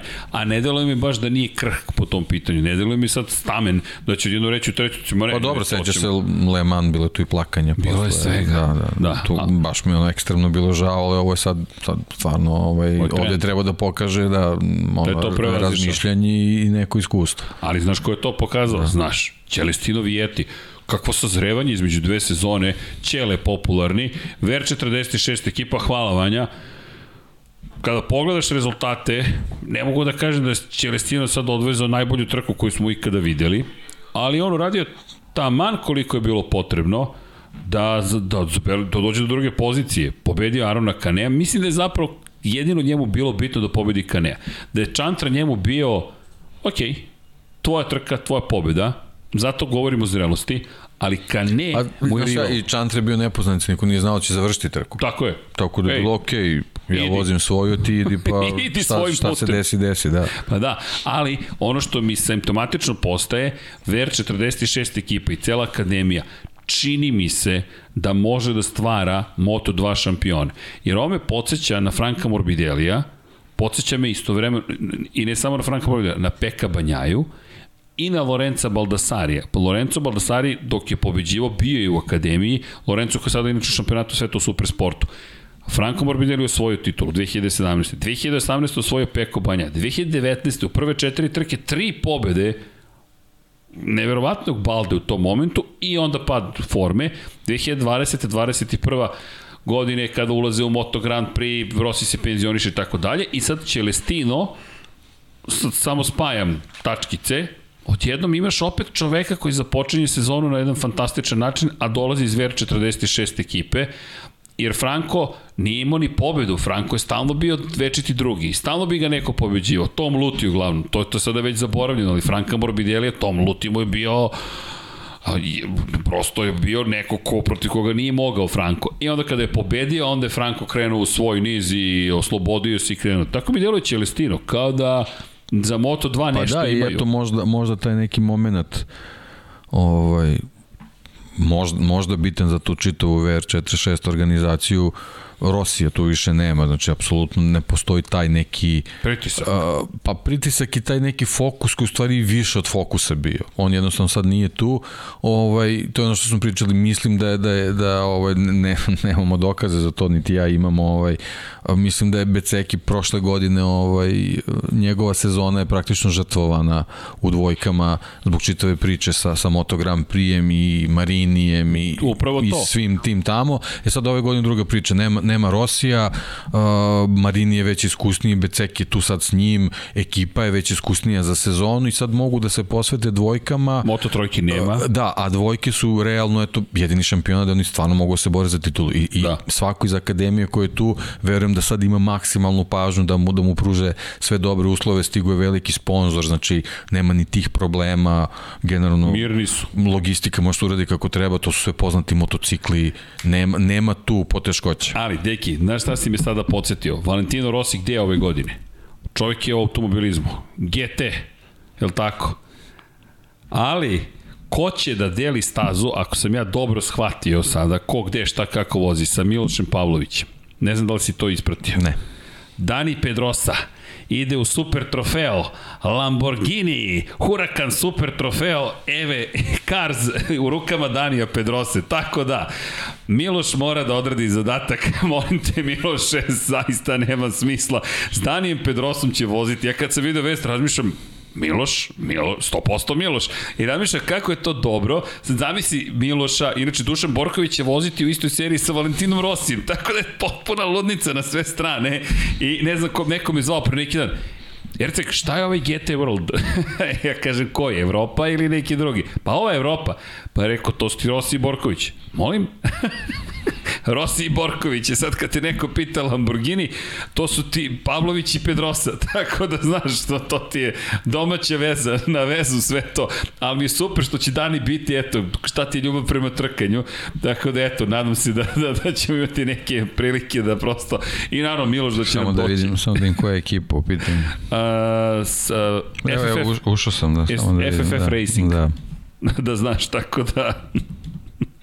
Eto, pošto je to naslednica Blancpain serije i to je te Miloš isto je vozio. Da, inače je Miloš je nedavno te, testirao nova generacija je ovaj, super trofeo Hurakana brutalno izgleda. Da. Da, da, da, da, da, da. Pazi, da je Dani se sli, fotografisao uh, pored nekog crnog. To, to, to, to.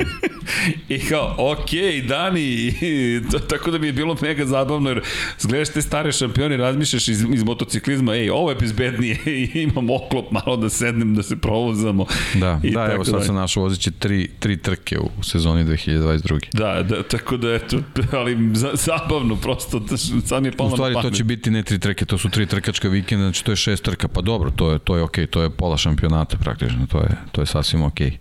Vidi, nije mala posvećenost tome, tako da, da. eto, za, A zabavno. inače to dobro, to će nam i Miloš pričati vjerojatno kad bude došao koga je sve učio. Ovaj, Da vozi. Da, da, da, da, da. Mogu, mislim, mogu da ti kažem čisto sad. Ovaj, Okej.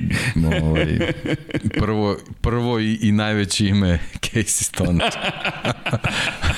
Kako ga si učio da voziš? Da. Da. Pa, Casey stoner. Da, bio je Andrea Doviciozo je bio, bio je Jorge Lorenzo, baš plejado. Onako. Lepo. Da, da, da. Lepo. Pa generalno, pošto je ono, Volkswagen grupa, Audi, Lamborghini, čitava ta priča, ovaj, eto, nekako su bili povezani u tom trenutku, tako da mnogo motociklista prošlo kroz njegovu obuku. Hoće i na obrnutu stranu, će Casey da mu pokaže motor. Nisam siguran da... To je, to je baš onako Nek, pusti. druga dimenzija. Drug- da, da, da, da, da. Pričat će ti on. ne, naravno, da, ali to su mnogo lepe uspomene, mnogo lepe stvari, da, da, mo- da tako doživiš. Dođe ti Casey Stoner, dođe ti Dani Pedrosa, dobro, sad s Danim će se trkati, to je nešto drugo, njega neće podučati. E da, inače, samo da, da pomenemo, Filip Jenić je imao testiranje sad prethodnog vikenda, tako da... Spa, da. To su Spa. prva prava testiranja. Da. To je, da, da. I ne znamo još ništa, korak po korak, ali eto, držimo palče, pratit ćemo sve što se zbiva i s Milošem, i s Filipom, i s Danijem, i sa Dušanom, i sa Valentinom, prosto redje da ispratimo sve to što se zbiva. Tako da korak po korak, a eto, čekamo, naći, doći će polako i, i vreme za, za, za razgovore. Da, prva, prvi vikend aprila kreće šampionat Ducin i, i Rosija. Da, inače... Timova. Juče i danas mi poručuju ovde iz studija, nije za vikend testirao. Meni je sve to vikend, ako je na stazi neko, to je vikend što se mene tiče, ali da, hvala za korekciju, da, u spa. Na novo, moram da saznam kakav je novi oruž, to, to, ali želim Miloša, Miloševo mišljenje da čujem. Jer Miloš kada opisuje oruž, onda shvatite da malo je onih koji bi prošli kroz oruž dok nije asfaltirano sve sa strane, dok je bio šljunak i to baš Miloš kaže, kažeš ljudima, polako u oružu, i on ima lagano. I onda kad shvate da se penju na osmostratnicu gore. Da, ne da to je, to je Filipov utisak bio kad je prvi put video kako izgleda iz, iz kokpita. iz kokpita. Samo nebo. Kada gledaš gore kao da ćeš da poletiš bukvalno. A, ali Miloš koji je toliko puta vozio, koji pokušava ljudima da kaže, ljudi, polako, to nije kao igrici, kao stisneš gas levo, desno, levo i sve u redu. Ne, ne, ne, ne. Ozbiljno testira srce, ali dobro. Da, eto, to je mala digresija, izvinjavam se. Inače, da, čekaj, deki, evo ruka. 15K. Nismo 15K, stigao, da. 15K. Ljudi, da pričamo o sledećem.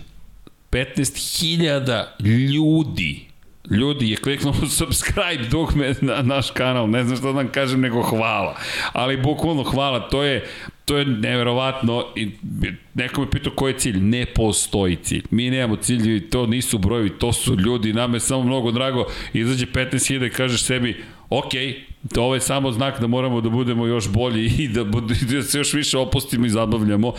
I, i znaš da sam vozio pre neki dan, počeo sam za GT7 ozbiljno da se sprema. To Vanja, vidi šta nam je Petar napravio. Petar danas je bio u raspoloženju. Vanja je dodao joystick. Sve smo završili, Vanja pita, piše, gde je joystick?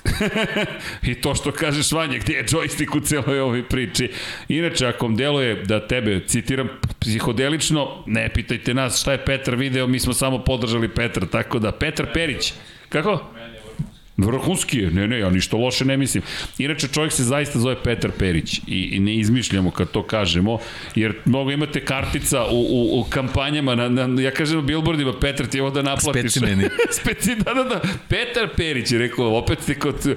Ja, pa znam i kada čovjek dolazi za, za, za razgovor za posao, doći će Petar Perić. Ja kažem, dobro, ko dolazi? Sad, pa Petar Perić je rekao, ok, to je stvarno... Samo je bitno da na vreme ode u policiju, to je jedino da, Petar Ako to ne uradi, onda ništa. Petar je car, inače pravi 3D umetnik, svašta spremamo u tri dimenzije, ali dobro, bi, o, tom, o tom potom jao deki, nisam ti poklon doneo, pravi poklon, ne, ne sklapanje McLarena, ne brini, nije, nije nikakva moša, nije nikakav trik prevara ili nešto slično, nego poklon poklon, ali dobro.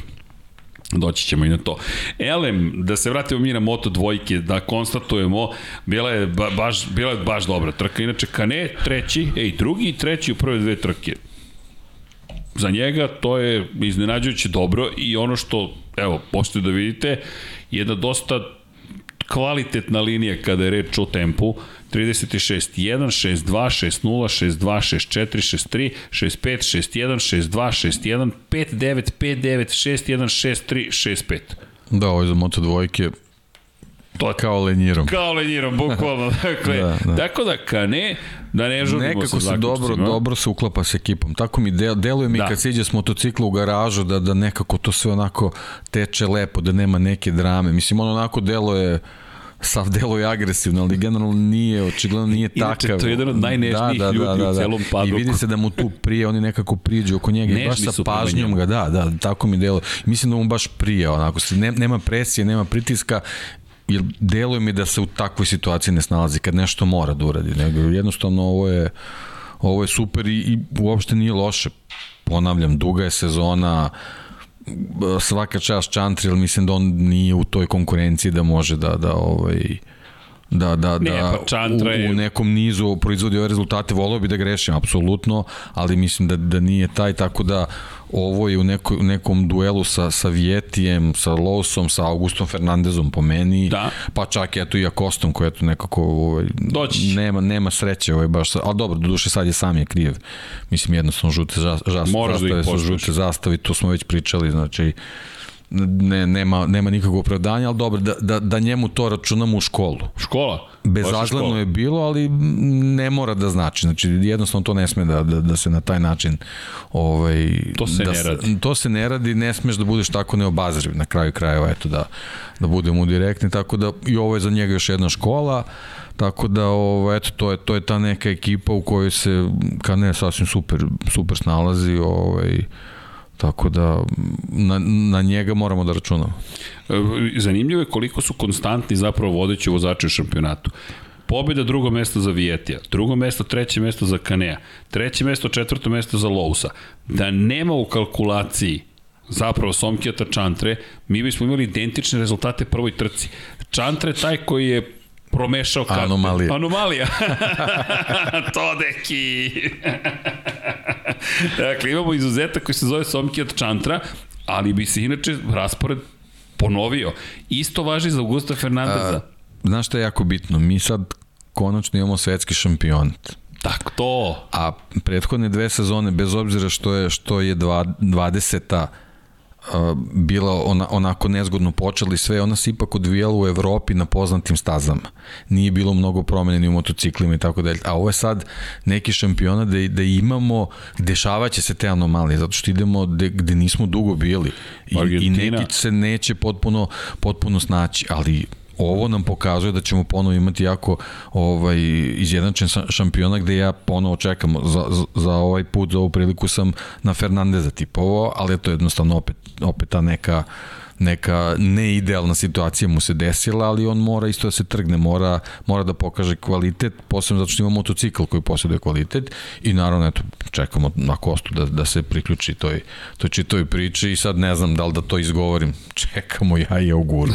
pa vidi, I čekamo i čekamo. Dva puta da. šesti. Da. To, to, pa a, hoćeš da čitaš od prošle sezone rezultate da, da, i od znam, pretprošle. Znam, znam.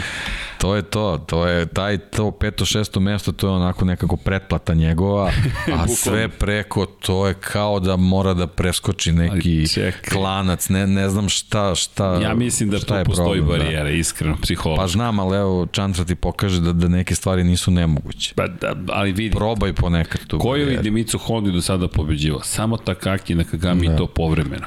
Ajo gura, bojim se da neće pa da... Pa da, ali znaš kako, ovako. Aj je konstantno je tu konstantno je tu, ali nikako da napravi taj neki korak da, da, da, da, da ako, ako nisu pobedu u pitanju, bar da veže recimo dve, tri trke da će biti onako u, u najužem izboru za, za, za podijum. Nekako i tomu i izmičaje i i eto, u sve ove momke koje spomenjamo, koje samo bukvalno spomenjamo zato što se podrazumeva da su tu svaki put poželimo da i on bude, ali nekako eto, to, to, to mu izmiče i, i bitno je, ajde, nek bude da, da, da, da je tu da završava trke, ali jednostavno mora da napravi taj iskorak. Ne slušaj ovo, e, e molim te, 14. 9. 15. 7.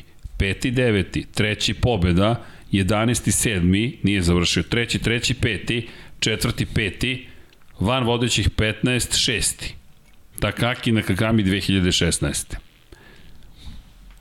Ali pobjeda. Ali pobjeda, da, da, ali dobro. ali, ali, ali pazi, 2015. toga nije bilo, a opet je to, to je to. E, kao da, kao da su preslikani, čak je malo konstantniji Ayogura u celoj priči. Pa to ali, je upravo to konstantni, ali nikako da... Ne, da, ne, ne da, može. Ja da se nađe na naslovnoj strani novina. Možda Nikako. ovo pomogne. Da. Jer pazi, ali evo, ako izuzmemo Somketa Čantru, čak bi i Fernandez bio četvrti kao u prvoj trci. Pa vidi, ako iz, da, izuzme, da izuzmemo Čantru, on bi bio peti. peti, tako je. Opet je to, peto, šesto, to je... Ne, aj, nema, nema, ali izgovorio si, pa ajde yes, da držimo yes, palče. Yes. I drugo, mnogo je simpatičan na Jogura. Upravo to, simpatičan je lik i, i Kupio, stvarno je kvalitetan. nekako, jest. I šteta je, šteta je da ovaj, jest. ne može to da unuči na pravi način. Ali konstantni vozači, Toni Arbolino peti u prvoj trci, osmi u drugoj trci. Joe Roberts, čak i on je nešto uradio, osmi pa jedanesti, ok. Jorge Navarro, sedmi, pa 13. Da. To pa dobro, ti, sad, ti si sad u dvojkama primenjuješ standarde Moto Grand Prix. 13. mesto u dvojkama, baš. Ne, ne, nije, nije prihvatljivo. Pa, pa nije, ne, ne, da, zato kažem... Posebno kad ne. imaš taj neki renom i taj neki rating. Kod Tonija se podlači crta da. iskreno. Toni, da, da. Toni Arbolino, tu je crta za, za ove vodeće i Somket koji upora četvrto mesto u šampionatu. Vijeti vodi, ima 9 pojena više od Kanea, 16 više od Lousa, 20 više od Somketa Čantre, 21 od Augusta Fernandez i 25 od Aje Ogure. Neću ne spominjem šampionat konstruktora, pošto je Kalix tamo Dobro, da, osvojio ne, titulu već, da. ali eto, Bosko Skuro neke pojene osvojio, MV Augusta. Čekaj, Simone Corsi, u jednom momentu ti se čini Simone će da uzme poene. Ne, Simone će da vas oduševi i onda će da vam srce slomi. Ali dobro, inače tamo je Marcos Ramirez stigao, pa eto nešto. Ali dobro, znaš kako, desi. Corsi je vozio u tom fazonu, kako si rekao, gume će izdržati, momci, idemo. Ali bukvalno idemo. Sve ili ništa. Pa, On je od da. 2002. u šampionu. Inače, Mislim, generalno i Dixon je tako vozio. Da. Jednostavno idem da pobedim. Idem. Osjećam se sigurno u motociklu i sad, eto, mala greška i ne prašta se, ali bio je u ritmu da, da mislim da bi, da bi možda i Čantru ovaj ugrozio. Da, ali u dvojkama u svakom slučaju da. neki trend se pojavljuje. U Moto Grand Prix nema trenda, ne mogu da pričam o trendu, kao ni u Moto Trojici. Denis Vođe je zabeležio impresivnu pobedu. Deki, ja ne pamtim da su imali dve trke za redom u kojima, u kojima neko pobegne 3 ili 4 sekunde. Crazy Boy, Ayumu Sasaki popularni, u prvoj trci trebalo da pobedi sa 3 po 4 sekunde prednosti. Napravio malu grešku, spustio se na nezgodan način na oplatu, polomio nosač oplate i kraj trke. Denis Fođe nesta u daljini, I sad se pitam šta je sledeće, će u Argentini opet neko da nam nestane u daljini? Pa da, nešto se dešava sa, sa trojkama, možda ima veze, ono što smo i pričali, nema više onih zmija, jednostavno momci kad izađu na pravac, moraju nema, da se drže, moraju da se drže pravca. pravca i onda očigledno da, da motocikli koji su malo brži u toj priči, a znamo da su Leopardi takvi, imaju prednost, jednostavno nije, ne mora baš ovaj, da znači da će neko koristiti zavetri na način kako su koristili, eto, to se to se dešava i tu možda imamo taj neki novi trend u trojkama da ćemo imati trke gde nećemo baš imati te neizvesne završnice do, do, do, do samog cilja sa nekih 15 vozača koji sećaš se Barcelone prošle godine gde bukvalno si na, na, na polovini karavani možda očekuješ da možda čak i pobediš na trci. Tako da mislim da, da ove godine će biti nešto drugačija priča. I inače Denis Fođa je jedini koji pobedio, koji sam ja rekao. da, ali i Andreja Minju, moram da ga spomenem, izvršio trku opet, opet eliminacija, a bio je tu u igri. Sergio Garcia, četvrto mesto posle drugog mesta u prvoj trci, Izan Givara. E, Izan Givara super u duelu sa, sa Sergio Garcijom. Nije pustio Izan koji je rekao ja ću biti agresivan, ali je bio i dovoljno precizan da potkrepi tu agresivnost. Zaista mi se dopalo, to mi se dopalo i Carlos Tataj, velika pohvala ljudi. Emotivno je za Prostil Grand Prix. Oni su ljudi pretrpeli to da njihov vozač izgubi život prošle godine. Jason Dupasquier sa njima živeo, delio garažu. To je da se naježite. Naravno da njegova porodica najviše pretrpela, niko od nas ne može da se poredi sa time. Ali Prostil Grand Prix je tim u kojem je on bio. I sad Prostil koji ulazi jednu novu eru, novu fazu, sa CF Motom potpisuje saradnju, KTM koji gura kineski CF Moto kao robnu marku, angažuju Carlosa Tataja i Čavijera Artigasa, potpuno dva nova vozača, ali znam u Kataru kad sam ih vidio, rekao sam, to je to, ovi ljudi idu sigurno na pobedničko posljednje. Znaš, kad, znaš deki o čemu pričam. Kad nekog vidiš i kažeš, ok, ovi, će, ovi ljudi će nešto uraditi. Osjetiš energiju. Tako je. I Carlos taj koji tamo je sedeo, inače prazan ovako pit lane, potpuno prazan pit lane, i sad fotografišu ga početak sezone, ali on sedi i vidiš da je on u trcijem, u trkama, u šampionatu, on nije tu sad da se fotografiše, ne, ne, Fokus. Da, fokus. Nije, nije mu teško to da radi, ali razmišlja o nečem drugom. O, o nečem drugom. Da. I, i, I mnogo mi je bilo drago, pogotovo što je to bila povratnička vožnja. Imao je baš problema tokom trke i kazna i sve i evo ga Carlos ide, tataj. Osvojio Red Bullov kup Novajlija kao klinac. Dosta se očekivalo od njega, bile teške sezone i dobio novu priliku i to sa Prostelom da dobiju šampanjac, da dobiju peher i za Jasona i za, za novu ekipu, baš mi je bilo drago i to mi je najemotivniji nakon moment bio, jer jednostavno mislim da je to jedna od najlepših stvari u sportu, pogotovo u tako opasnom sportu, i onda dobiješ nešto srčano i kažeš, ok, bravo momci, i svaka čast CF Motovu iz perspektive robne marke i promocije nečega, nije mala stvar. Zaista pa ne, zbir, zbirno odličan rezultat. Tako je. Inače, Honda je prva u šampionatu konstruktora, ovo je druga pobjeda posle Mi, Minjove pobjede, Fođa ponovo pobedu, Gazgas ima dva puta drugu poziciju, dakle 40 poena i KTM je tek treći sa trećim i petim mestom, CF Moto je samo 5 poena iza KTM-a, bili su deseti i sada treći i Husqvarna koja mogla je i da pobedi svašta, ali ok, Crazy Boy ponovo napravio grešku, inače kažnjen za sledeću trku Crazy Boy, pošto izazvao incident i samim tim Ayumu Sasaki kažnjen, John McPhee držimo mu palče će doći u Argentinu, povređen, baš za Husqvarnu nije, nije baš bio prijatan moment, ali sama trka je obeležena tim backstone Denica Fođi nekako potvrda onoga što je Leopard i najavio od ove sezone. Ovo je Fođina sezona na njemu je to da uradi, ali realno govoreći, deki, potvrda onoga što smo negdje naslučivali, da on prosto može ovo da, da, da uradi, samo nisam baš očekivao da će pobeći, onako, ali... Pa kažem, eto, djeluje da, da ćemo ove godine imati taj trend, ovaj, malo više bežanja nego, nego ranije i malo te ovaj, razvučene karavane, ne, ne, ne neko onako baš tesnu i neizvesnu borbu. I special shout out što kažu za Dioga Moreira, jeste da imao problem na početku trke, ali Diogo odličan u kvalifikacijama, da, Brazilac da, da. baš nekako... Pa osveženje. Jeste, osveženje. Baš ko ta žuta majica. Sveža svežina. A jeste, baš je nekako tu Brazil. Pa brazilski. Brazil da, da. uvek nekako vas povuče, brazilske boje, imaju neku priču u sebi. E, inače, Jaume Masija, mislim da treba bude spomenut. Deki tek sedmi, tek devet pojena posle dve trke. Ja se bojim da je da je prošao onaj zlatni moment koji je imao. Maverick Vinales. Da. Samo što samo još nije dobro, nije, ali nije svoj nije baš to, ali ali da on on on sigurno oseća veliki pritisak jer zna zna svoje kvalitete i, i ono kad ti kad ti pobegne prelazak u veću kategoriju ovaj posebno kad imaš nekog ovaj nekog superstara u ekipi onda ti to više nisi ti ako to tako shvatiš onda onda to malo može da bude nezgodno ali tu je, mislim, sedmo mesto u, u trojkama isto nije nije, nije, nije loše. neki nije loše, ali nije nije to neki neki plasman zato što očigledno će ove godine možda neki momci da se izdvojiti, moraš moraš da budeš da držiš korak s njim.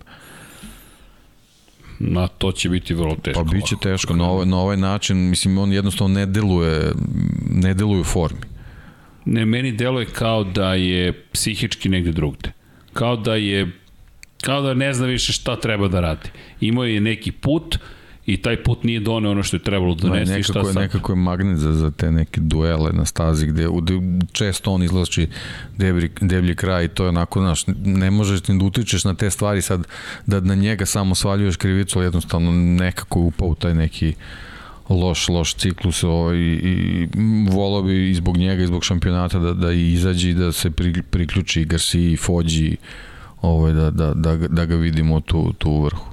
Ne, inače pohvale za Denisa. I Sasaki je naravno, mislim, bez obzira šta god da. da se dešava, on, on pokazuje da je u ovom trenutku stvarno u formi, da je mnogo brz, ali eto, ovaj, Ali pazi, bez poena posle Bez poena, da, ali dobro. Mislim, dug je, dug je šampionat, ali poenta što će ovi momci koje smo već izdvojili verovatno u svakoj trci osvajati vodove, tako da e, to, to nije baš zdravo. Ali tu bih izdvojio Deniza Ondžu. Ondžu četvrti i peti. Pazi, to je nastavak da kažeš onog boljeg dela sezone prošle godine i prijatno sam iznenađen, da, iznenađen. To bi trebalo da bude logičan nastavak njegove karijere. Četvrta, peta pozicija, treći, drugi. Jer ranije imam otisak da Onđu ne bi završio ovakvu trku. Da bi se to završilo nekim banzaj manevrom i da bi se u suzama završilo pokraj staze. Četvrti, peti možda zvuči kao nedovoljno, ali to je 24 pa, poena. U, u toj ekipi gde imamo te, te ta dva mlada, mlada vozača gde si ti neka iskusna kuka, to je sad neka nova situacija za njega i on se baš, Jeste. baš se dobro snalazi, još brada da mu poraste i, i to je to. Pa da. Ali zaista pohvala, jer on treba da predvodi Adriana Fernandeza, isto ti kažeš, on je sada džomba. Čekajte, ovo je moj sada tim, Tech 3, ovde sam ja glavni. Tamo Daniel Olgado je stigao u KTM, to jest u Red Bull KTM Ajo, dakle kod Ajovaca, tamo je Masija, Masija meni ne deluje kao da je više lider, što ti kažeš, Masija kao da je tu ja sam desna strana garaže i to je otprilike to, a s druge strane ko dođe došao je, a Onđu deluje zaista da je to, ja sam ovde Teh 3 vodim i, i, i, i završuje trko, to je meni, ja, ja zaista kažem, to je medalja. Za Denis Onđu da kaže, peto mesto, ok, nisam izveo, jer pazi, one poslednje dve krivine zovu te da uradiš nešto nepromišljeno i on je i bio agresivan, ali baš te mame. Ide ono desno, skroz i sad ću ja da zanesem levo i tu je viđeno, ma sad ću ja da kočim dovoljno kasno, iako je teme toliko oštro da nema nikakvog smisla, ali te mami i srećom nije se desilo. Malo me podsjeća, kažete, ne samo na Argentinu, do nekli, iako nije identična krivina, ali kao Mizano, Mizano krivina. Da, da. Ti Mizano, Argentina. Mizano, ta neka kombinacija, da. I, I ti znaš da u Mizanu ne možeš da pretekneš u poslednju, ali svi vole da probaju tamo, da, da ja probam, pa ako idemo u njivu, idemo u njivu, ali neverovatno. Ali dobro, ali pohvale zaista za Deniza Onđu, mislim da zaslužuje. Čavir Tigas odvezao dobru trku, bio šesti na kraju. Tako da ima tu nekih lepih i momenta i, i klinci koji skupljaju poene. Scott Ogden, Mario Ađi, završili trku, Mateo Bertele, zapamtite ta imena, Daniel Olgado, Elija Bartolini, mada je Bartolini prošle godine dosta vozio, ali to su opet stvari koje, koje zaista treba uzeti u obzir. Malo mi žao Ivana Ortole, ali Ortolo tu sam malo sam slab, 48-icu nosi, liči mi na šojine broj, na šojitom i zavu i onda rekao uvek spomenjem Ortolu, cijela ta kombinacija. Ali i to mi je zanimljivo koliko su timovi neki došli do izražaja. Znaš, ti pogledaš Angelus MTA ekipa, Vision, Vision Track Racing Team Michaela Levertija, su Britanci, nešto će tu da se desi pozitivno, ok, Avinti je standardno. I naravno kada pričamo o MT Helmets, MSI, to je meni znaš, Diogo Moreiro i tu ti kažeš ok, ovi će nešto ljudi stvarno da urade na kraju, Tako da, da lepo iz te perspektive. Ana Karasko još nije osvojila poene, ali završila trku, samo da spomenemo jedinu damu u šampionatu sveta. I Gerard Mil, Riu Male koji menja Munjoza, David Munjoz tek se sprema tamo od Muđela da vozi i dalje nije nešto, mnogo, nešto više postigao. Inače, u 10 poena je vodećih pet u šampionatu, zaključno sa Denizom Ondžom. Fođa poen više od Garcia, 34 za Fođu, koji je preuzeo vođstvo u šampionatu. Čestitke Leopard Racingu, čestitke pozdrav za Mijedraga Kotora, poseban, zaista vrlo svojatamo tu, neću reći ekipu, ali situaciju. Ne navijamo, ali drago nam je kada, je, kada Kotor ima uspeha. Prosto to je naš čovek tamo negde koji tako visoku poziciju uzime, toliko je divan. Ko nije pogledao te podcaste sa gospodinom Kotorom, verujte, nećete se pokajati. I Formula 1 i Moto Grand Prix. Mi se nadamo da ćemo imati čast da ga ugustimo u studiju, pa da se ispričamo o tome odakle šta je sve to i kako postigao gospodin Kotor. Upozorili smo ga ko uđe u studio od 3 do 4 sata, ali ako je Casey Stoner mogao 4 sata da bude u podcastu, deki onda ja mislim da, da, da, da ne, nebo je granica. Onda može Hasan Onda može Hasan, Hasan koji se sve pozdrav za Hasana koji pozdrav za Hasana. Još mi kažemo ajde da ne maltretiramo čoveka, zaista nema smisla i stiže porukom hoćete, ja sam tu. Da, Hasane, naravno da hoćemo, bio si na stazi, naravno da hoćemo da čujemo šta se sve dešavalo. E, Andrej nam je otput, otputovao u Džedu isto. Je otišao? Jao, Andrej, sad ćemo njegove fotke da kačimo. Andrej, javi se. ali, ali kažem ti kako je bilo to simpatično juče, jednostavno Hasan koji se uključio i, i, i onda kreće, naravno, krenuli smo. Nedostio si mi da vozimo ovde Džedic. Ej, a vidi šta ti je, poborio sam rekord koji smo postavili prošle godine a pravio sam greške. Deki, ja mislim, a ti si prošli put pojeo si bukvalno Bahrein, tako da... Kući sam još bolji bio. Jel bi? ok. Inače, GT sedmicu, juče sam odvezao maraton, danas nisam stigao, 42 km, bildamo nalog, polako ali sigurno. Inače, novi update, onako, nije baš najbolje prošao, pošto sad može teže doći do poena. Ali mi smo naše milionče dobili kroz, kroz specijalno izdanje, tako da smo safe. Mada, bilo je problema, neki su izgubili svoje snimljene igrice, ceo napredak, baš je bilo onako, ali šta da vam kažem, mi nismo vozili u tom periodu pa smo se izvokli. Ponekad je bolje da ne vozite svaki dan. Šalu na stranu, sad ćemo mi malo to da pravimo turnirčiće, malo lobby, da se družimo. Čekamo MotoGP 22, 2022 pa ćemo da vidimo kako će to sve da ispadne. U svakom slučaju, to, da se iskupimo za onaj 2020, to, ali to je bio početak COVID-a, to je baš bilo čudno vreme. I tako. Smo nešto propustili, Deki? Pa, ja mislim da, da smo, nismo, pa da. dobro, lepo smo se ispričali, mi se uvek lepo ispričamo. Da, A, nismo rešili misteriju Mandalike, ali ovo, ne, eto, ne, ne bar smo, rešiti. ovaj, da, ali... bar smo probali da vidimo gde su sve bile neke, neke čudne situacije. Da, bilo je, bilo je, pa, pa, a to ti je Moto Grand Prix, kada pogledaš Moto Grand Prix, zaista ne, liči na Moto 3. super je stvar, zato što generalno kad saberemo Katar i Mandaliku ne možemo nikakvu crtu da podvučemo. Argentina će možda nešto ovaj, otkriti, ali generalno opet je problem, nismo dugo bili na toj stazi. Ko će sada druga. pobedi? Pa, Honda. Enea Bastianini.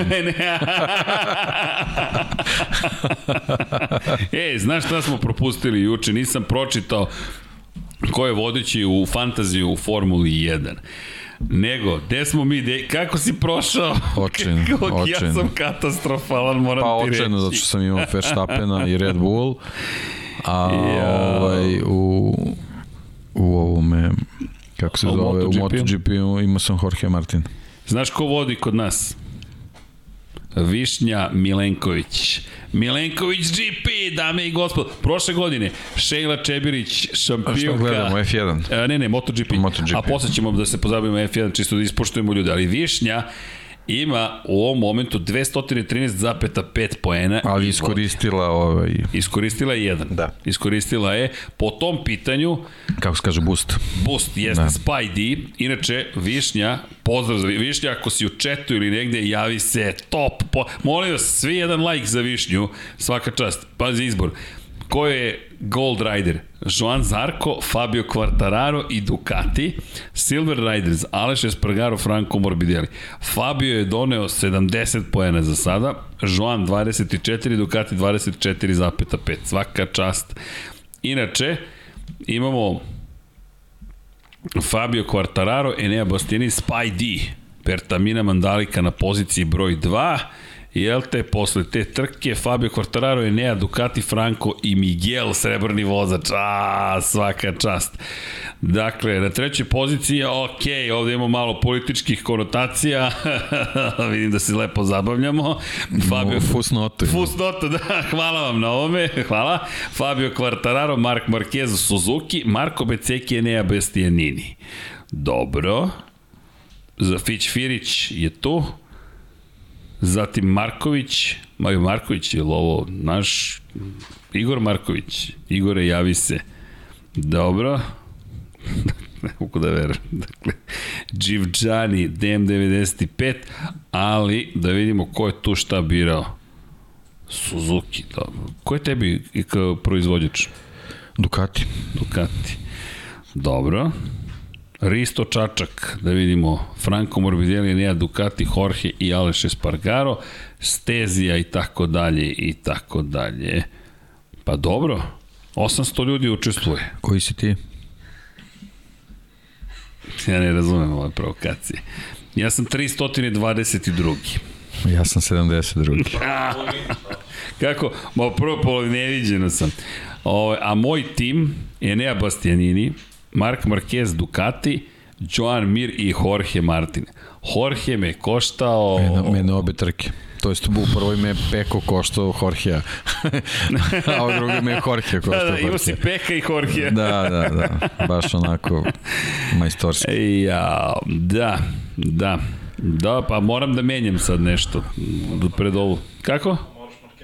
Da, Markeza svakako moram da menjam, ovaj, ali koga da ubacim, Vanja? Hoćeš da budeš moj menadžer? Koga imaš? Imam Eneu, Mira i Martina. Binder. Bindera, Breda? Da. Ok, Vanja, moj menadžer, kaže, do, nemam pare za Binder. Fali mi 200.000, Vanja, ne vredi. Nemam za Breda, nemam, ne, nemam taj novac. Znaš koga ću ja da stavim? Koliko dobiješ za kad Markeza skloniš? Marquez, pa nije Marquez više toliko na ceni.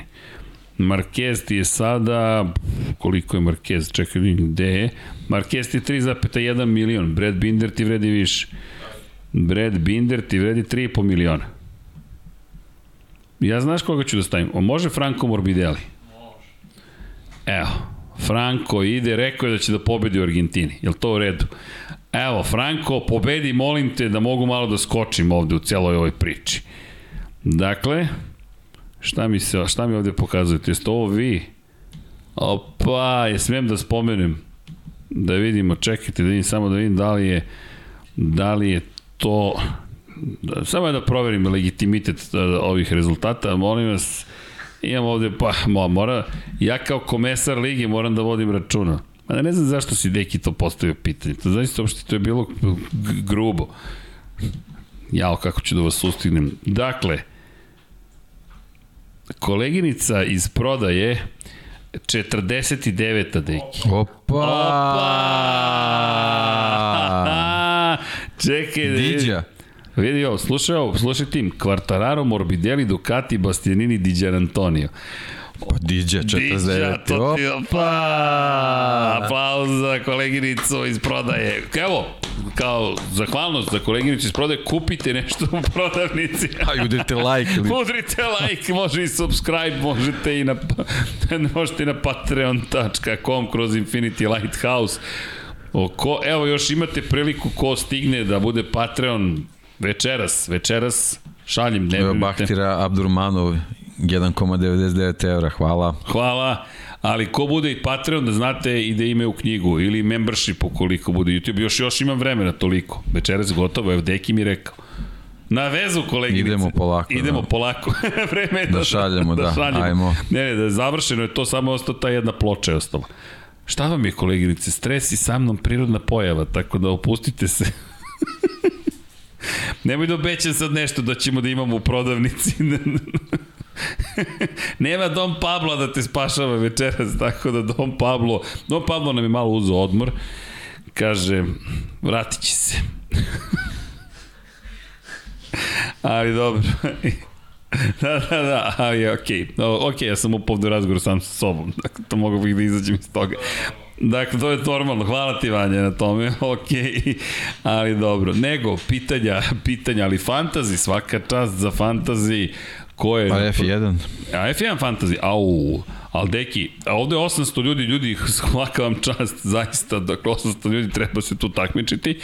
Kada je reč o F1, znaš koliko ljudi ima u ligi Lab 76 u F1? 3600. U, pa čekaj da vidimo da koji sam sam? to. Čekaj, čekaj. 2700.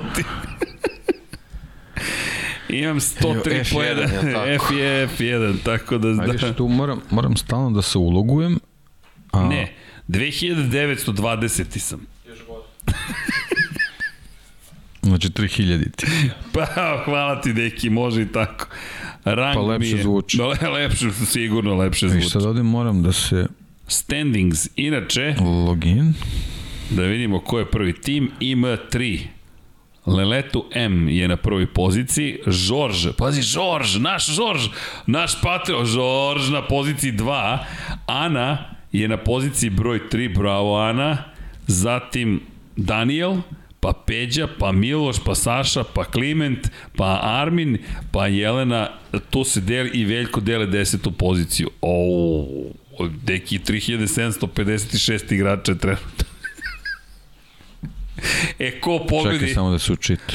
Da, inače Shayli ide peharče, Na gde sad idemo? Gde su ovde ligi? Ideš Ja, na My Games. Mi ovo, zbunjujući, ali sam Da. uspeo da otkrim My Games.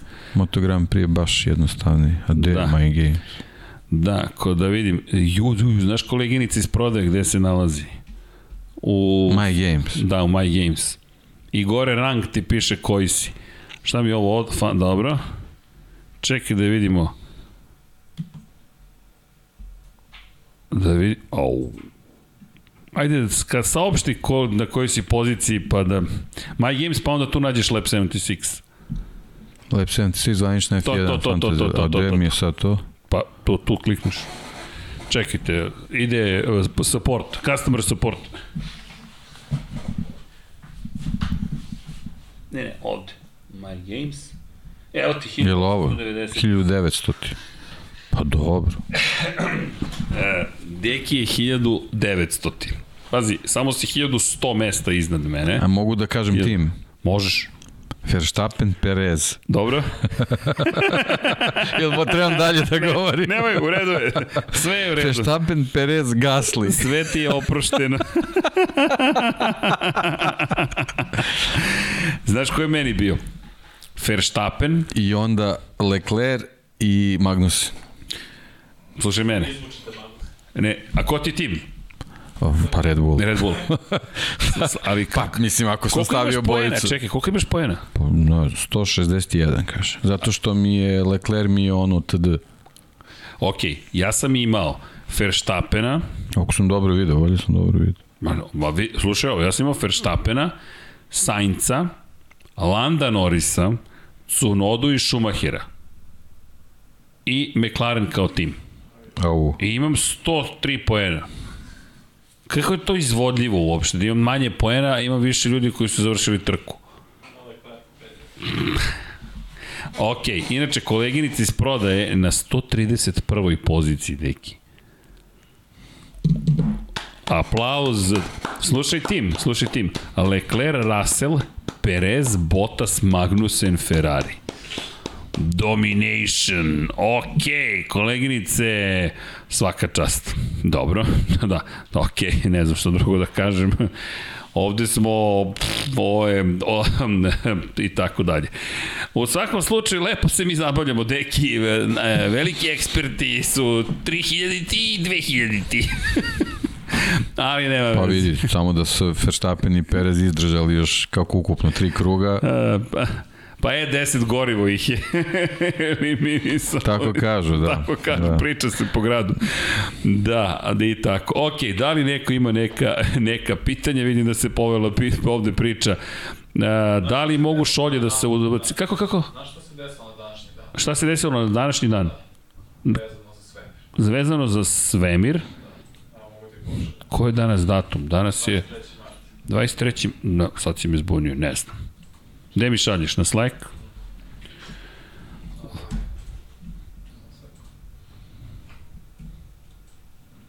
Gde mi šalješ? A koji? Kanal? Na lep. Na lep, pošto to je ista stvar. E, dobro.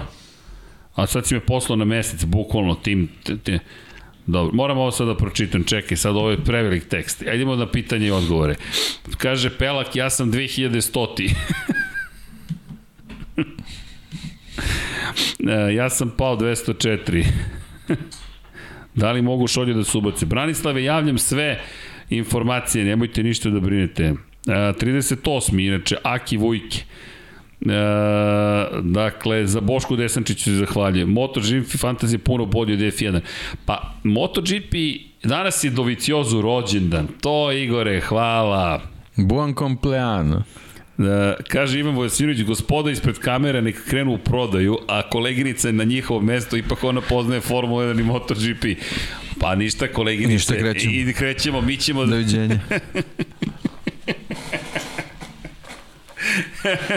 Ne, koleginica baš ne voli da ide ispred kamera, dakle prvi put da se zacrvenela večeras, tako da nema problem što je 130 u fantaziju, a to se ne zacrvenite kad se 130 u fantaziju. Ili Ta- 49. Tako je. Inače, Luka Petar Kadijević, Luka, DMZ, obećao si da ćeš doći, mi te čekamo ovde. E, da, li- e da, Pelak me pita da li smo doznali nešto u vezi shoulder cama, da li će ga biti, zašto ga nema i šta je to MotoGP Ignition, za šta služi. MotoGP Ignition, to moram da saznam. Inače, Uh, saz, opet malo priča o Kvartararu. Pa kako Aco Vizla? Pa baš smo hvalili Kvartarara na početku. Ispričali smo da je vozio šampionski. Kad nekog pohvalimo, to kratko traje. Sada je da da ga je, da hvalimo je u bio fantastičan. Još sam ga, baš sam ga puno spomenuo tokom prenosa. I da je naučio kako da vozi po kiši. I da je bilo fenomenalno što je čovek čekao i rekao, ok, sad je trenutak, e to nismo rekli, fakat, izvinjavam se Aco Vizla, a to je da je Quartararo rekao, za mene zaista šampionska vožnja, u jednom momentu je rekao, sad je moment da se napadne. I baš je napao i ono što je uradio je bilo impresivno. Za mene je Pa dobro, on već pokazuje sezonu sezonu da zna da tako je. napada, tako da ali, sve ali okej. taj moment po kiši, gde kao da glisira, leti voda na sve strane, njegova Yamaha koja stoji sa leve strane, Ducati sa desne strane, ko je bio? Suzu, nije. Mm, KTM. KTM i on na kraju ipak uspeo iz te Yamahe da izvuče fantastično i, i, i fenomenalno je vodio. Uh, Žuk Đorđe, zašto naše džanki ispali večeras? Pa nije džanki, on ne ispaljuje ljudi, on je umetnik, ali pravi autentični umetnik i on želi da dođe, ali to ne znači da se uopšte setio da je sada 9 uveče. Da, Džanki je naš umetnik, on piše pesme, sprema knjigu, inače pesama, tako da nije ispalio, verujte. Uh, samo da kažem za shoulder cam, vratit ćemo se, Aco Vizla. Uh, koje je pitanje? Bilo pitanje i Aca Vizla i iako je odvezao preciznije krugove do Olivire, ali nije odvezao Vanja, može Olivireni krugovi pa, pa onda Kvartararovi. Kvartararo je imao od polovine trke preciznije krugove kada je shvatio kako da vozi motocikl. Ako pogledate Oliviru, Olivira od kada je spustio ispod 1.40, to je osmi krug, stalno je bio ispod 1.40. E sad, može Kvartararo, molim te šta je uradio Kvartararo? Onoga momenta kada je spustio, to je bio deveti krug. Ali pogledajte pre toga koliko mu je bilo vremena da zapravo do, da, da ovlada situacijom. Inače, još jedna bitna stvar, Miguel, to je rekao i Fabio, nije nijednog momenta u suštini bio ugrožen, on je kontrolisao situaciju. E, Fabio je odvezao impresivno, to smo baš smo i analizirali njegove krugove, ali pre toga ovaj dolazak do toga da shvati šta može, malo je duže potreba. Međutim, sada više nećemo nikada, ne nikada, ne, nikada, ne reci nikada, nećemo izvjeljivati da Fabio ne zna da vozi po kiši.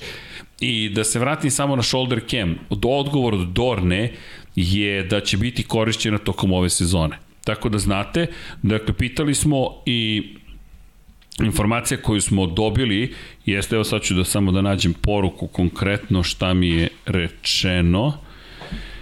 Dakle, iz Dorne šta su odgovorili? Odgovorili su da, dakle, uh, ovako, working on it, sigurno će biti, uh, Aha, uh, ok, MotoGP Ignition, ok, da sad razumemo na o čemu se priča. Uh, to je management igrica koju smo, zaboravio sam kako se zove, koje je bilo reči da će se pojaviti to vam je stvar u tome što će to biti zapravo promocija blockchain sistema celog, jel te, kripto, idemo ka kriptu ka, i sve više i više, ali da, to bi trebalo da bude prva zapravo management igrice, zaista management igrice iz perspektive Moto Grand Prix. I koji ste tu prvi 100, možete da, da igrate, mi, mi ne ispunjavamo uslove. Mi ćemo da komentarišemo. da, da. mi ćemo da ocenjujemo kako klasičan kritičar. E, sad ću da vam kažem šta ste pogrešili. Ili ti miksino, sad ću ti kažem zašto. Inače, a, dakle, kada je reč o shoulder camu, trenutno rade na razvoju tehnologije, plan je da se koristi, ne zna se još uvek datum, ali ove sezone biće shoulder cama. To mi zvaničan odgovor Dorne, tako da eto, to je informacija koju smo dobili i eto, čekamo i mi, ne zna se još uvek, ni oni sami ne znaju tačno kada će, jer ta tehnologija je zaista zahtevna, tako da eto, malo traži vremena. Tošić, nisi pročitao moje pitanje, ko je beše koje beše pitanje, čekajte, nisam, ko zna gde su ta pitanja sada. E, samo sekund, pitanje velikim slovima, to je valjda način da se vidi pitanje. Bahtar Abdurmanov, super stiker, ovo je super stiker bio. Hvala. Pitanje, da li mogu Lab 76 šolje da se ubace u prodaju? Koje? Ove srle i pajče ili, vi ne znate drugu stranu, imate srle i pajče, Vanja može Dekijev kadar, molim te. To je, ovo su Deki i Srki. Lab 76, a ova verzija vam je Srle i Pajče. Tako da, jedna je u negativnu, jedna je u pozitivnu. To jest ovo vam je valjda pozitiv, ne znam, belo, crn, bela pozitivna crno, a ovo vam je crna pozitivna belo. Tako da eto, Deki ima dva čaja, ako se pitate zašto ima seriju. Deki ima dva Lab 76 i jedno brno. Deki kad krene, kad krene, nema više čaja, bilo je čaja. Inače, kako znate da se Deki pripremio na dug podcast, tako što spremi tri šolje i oni su se ispraznili ja mislim da je vreme polako da, da, da se pozdravljamo. Inače, udrite like, udrite like, za koleginicu udrite like. E, dakle, koliko će sezona biti još Michelin u MotoGP-u? I oni su produžili za još 5 godina. Tako da još dugo će biti u, u, u, u MotoGP-u. Deki, želimo MotoGP knjige. A, obrva mu je ovako otišla i osmeh je na licu, tako da polako. Uh, Muarem Airulali, Airulai, oprostite, šta mislite da li KT može da bude konkurentno veći deo sezone ili smo tek tu, ta, tek tako neka staza? Verujte, to je na nivou kristalne kugle u ovom momentu. Ne, ne znamo, verujte, ne znamo. Hoćemo Misterija. Da... Misterija, upravo to je mandalika misterija. Mi, zašto jednom KTM koji treba... Inače, znaš koga nismo spomenuli? Francesco Gvidotti.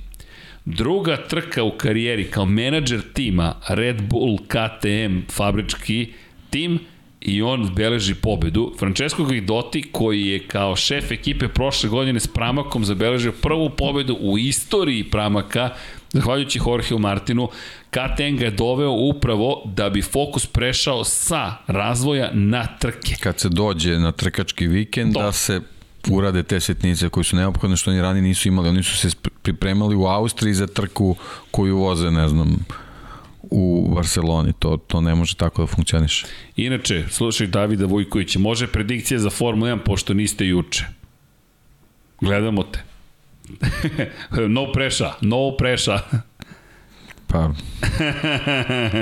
Evo ja ću... hoćemo senzacionalno. Ajmo. Leclerc. Da, a, ja ću da kažem Hasanovski, Sainz.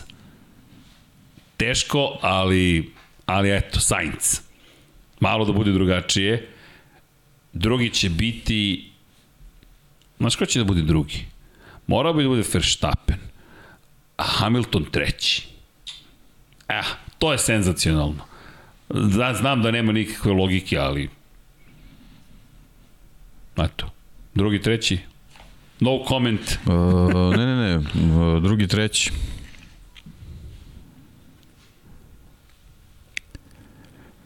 Hmm. Aj malo da razmislim, pa ću Ajde. ispucati. Samo malo da razmislim. Rolo Baris, poslao sam Puls Medije poruku da vas ugoste kada dođete u Zagreb, držite jedan mali podcast, držim palče da se dogovorite. Hvala, hvala. Ni, ni, nismo se još čuli, ali ljudi, mi smo... Trudimo se da budemo ljudi otvorenog srca, tako da znate. Otvorena je prodavnica svakako, koleginice tu. šalim se, šalim se, ništa ne brinite. Da, uh, kada, šta smo imali, menjaju se poeni, nisu oni prvi poeni. Igore, završavamo i uskoro, još, još nam dajte malo i završili smo. Dakle, Max Sainz. napisat ću priču o tome šta sve Max kad se Sainz. desi. Max pa Sainz. Da. Da, Ok, dakle kao što je sad bilo. Ok, suštinski pre odustajanje. da, Ok. da, da. da. Dobro, Boško Desnačić, Leclerc, Sainz, Max, Leclerc prvi. Deki pita i koleginici iz prodaje za drugo i treće mesto. Kako?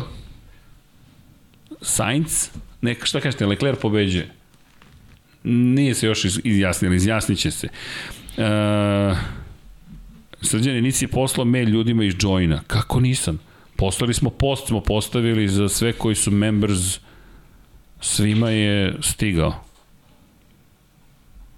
Ma, trebalo bi da imate, pogledajte da post bi trebalo da je svima izašao Branislave kao informacija da smo trebalo bi uh, special member post, ko su članovi, to je ko su učlanili, trebalo bi da ima taj post. Ajde da vidim. Juče? Da. Jeste, bio je post. Tu je post. Da, molim se, evo pogledajte, ali trebalo bi da je tu. Da. E, tako da znate. Ovaj, da, poslali smo. Inače, pitaj, ima da analizira koga je vozača baš kao, ma ima, tada možda i napravim dobar F1 tim. Nemojte da analizirate ko ja. Kao Srki, evo, Boško kaže 2900 to mesto. E, ne biste Boško tako pričali da je Verstappen završio trku. Ali dobro. Ognjen Radivojić, Srki nisi mi pročitao pitanje. Čekajte Ognjene. Pitaj Dekila, misli da Peko nije šampionski kalibar i da nije sazrao i pitaj šta misli Ivan Španović. Peko jeste, jeste šampionski kalibar, nego ovaj, očigledno kad se malo uzdrma zbog nepoznanosti motocikla, onda malo tu ovaj, podrhtava još, ali, ali mislim da, da kad, se, kad se Ducati spakuje da će, da će Peko da proradi. Da. Ve, već sad, sad već postoji prilika, mislim, istorija govori da može sad to da se desi. A što se tiče Ivane Španović, mislim, da, li- da li treba nešto da se kaže? Da se pa žena je, devojka je kraljica, bukvalno. Te koristi, koristi svaku priliku i to je jednostavno to zna, zna zašto se sprema, zna svoje ciljeve, Da, baš je dobro pripremljen. odradi svaki plan koji treba da odradi i pritom ovaj, ona se vratila iz jako teške povrede ovaj, što je, što je dodatno ovaj, veliča rezultat, a u svakom slučaju preskakanje preko 7 metara, To je impresivno. to je, to je svaki put što se tiče devojaka ovaj, ozbiljno, ozbiljno dostignuće. Tako da, eto, kapa dole. Da, inače, Stevie G, broj 8, MM, broj 93. Šta mislite o Millerovoj budućnosti? Moje neko mišljenje da mu je ovo poslednja sezona u fabričkom Ducatiju, čak mislim da mu je ugrožena budućnost u Moto Grand Prix, prosto ne vidim tim koji bi ga hteo. Pa, za fabrički Ducati gotovo izvesno, jer oni moraju na neki način da sačuvaju Neu Bastianinija ili Jorgea Martina. Trenutno Bastianini bolje izgleda pošto su rezultati na njegovoj trenutno strani, ali polako. S druge strane, ko bi hteo Jacka Millera? Ne, mislim da nije baš da ga ne bi želeli, jer čujte, nemate baš mnogo pobednika u Moto Grand Prix i Jack, ono što je sa Jackom problem, moje mišljenje je što je dosta digitalan, šta to znači? Ili nula ili jedinica.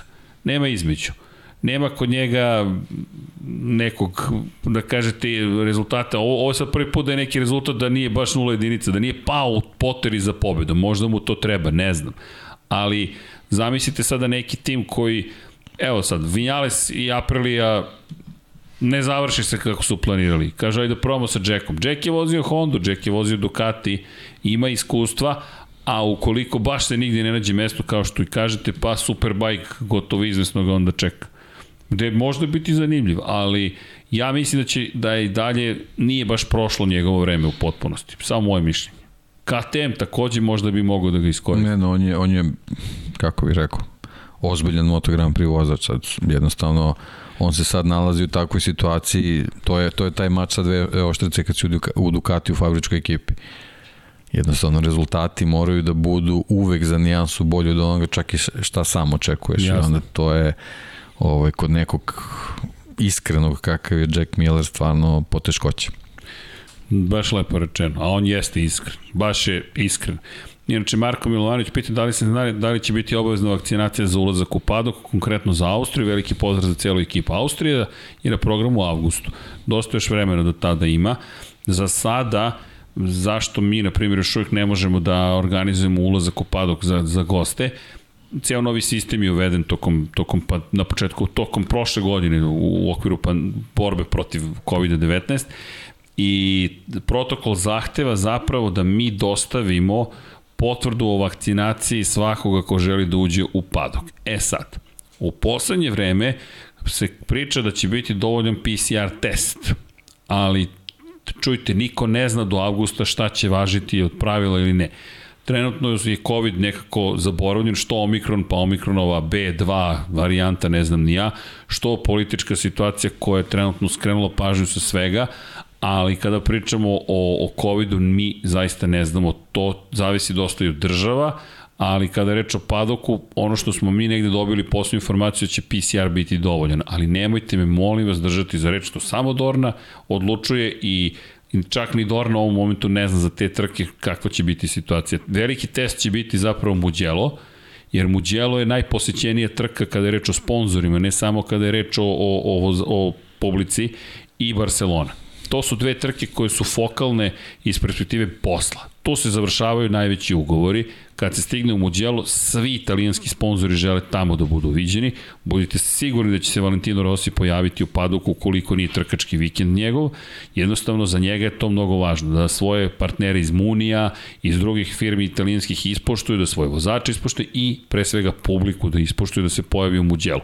Tako da će Mugello biti najveći test. U suštini posle toga ćemo mnogo više znati. I onda Barcelona, gde je to isto važi za španske sponzore, španske vozače i tako dalje.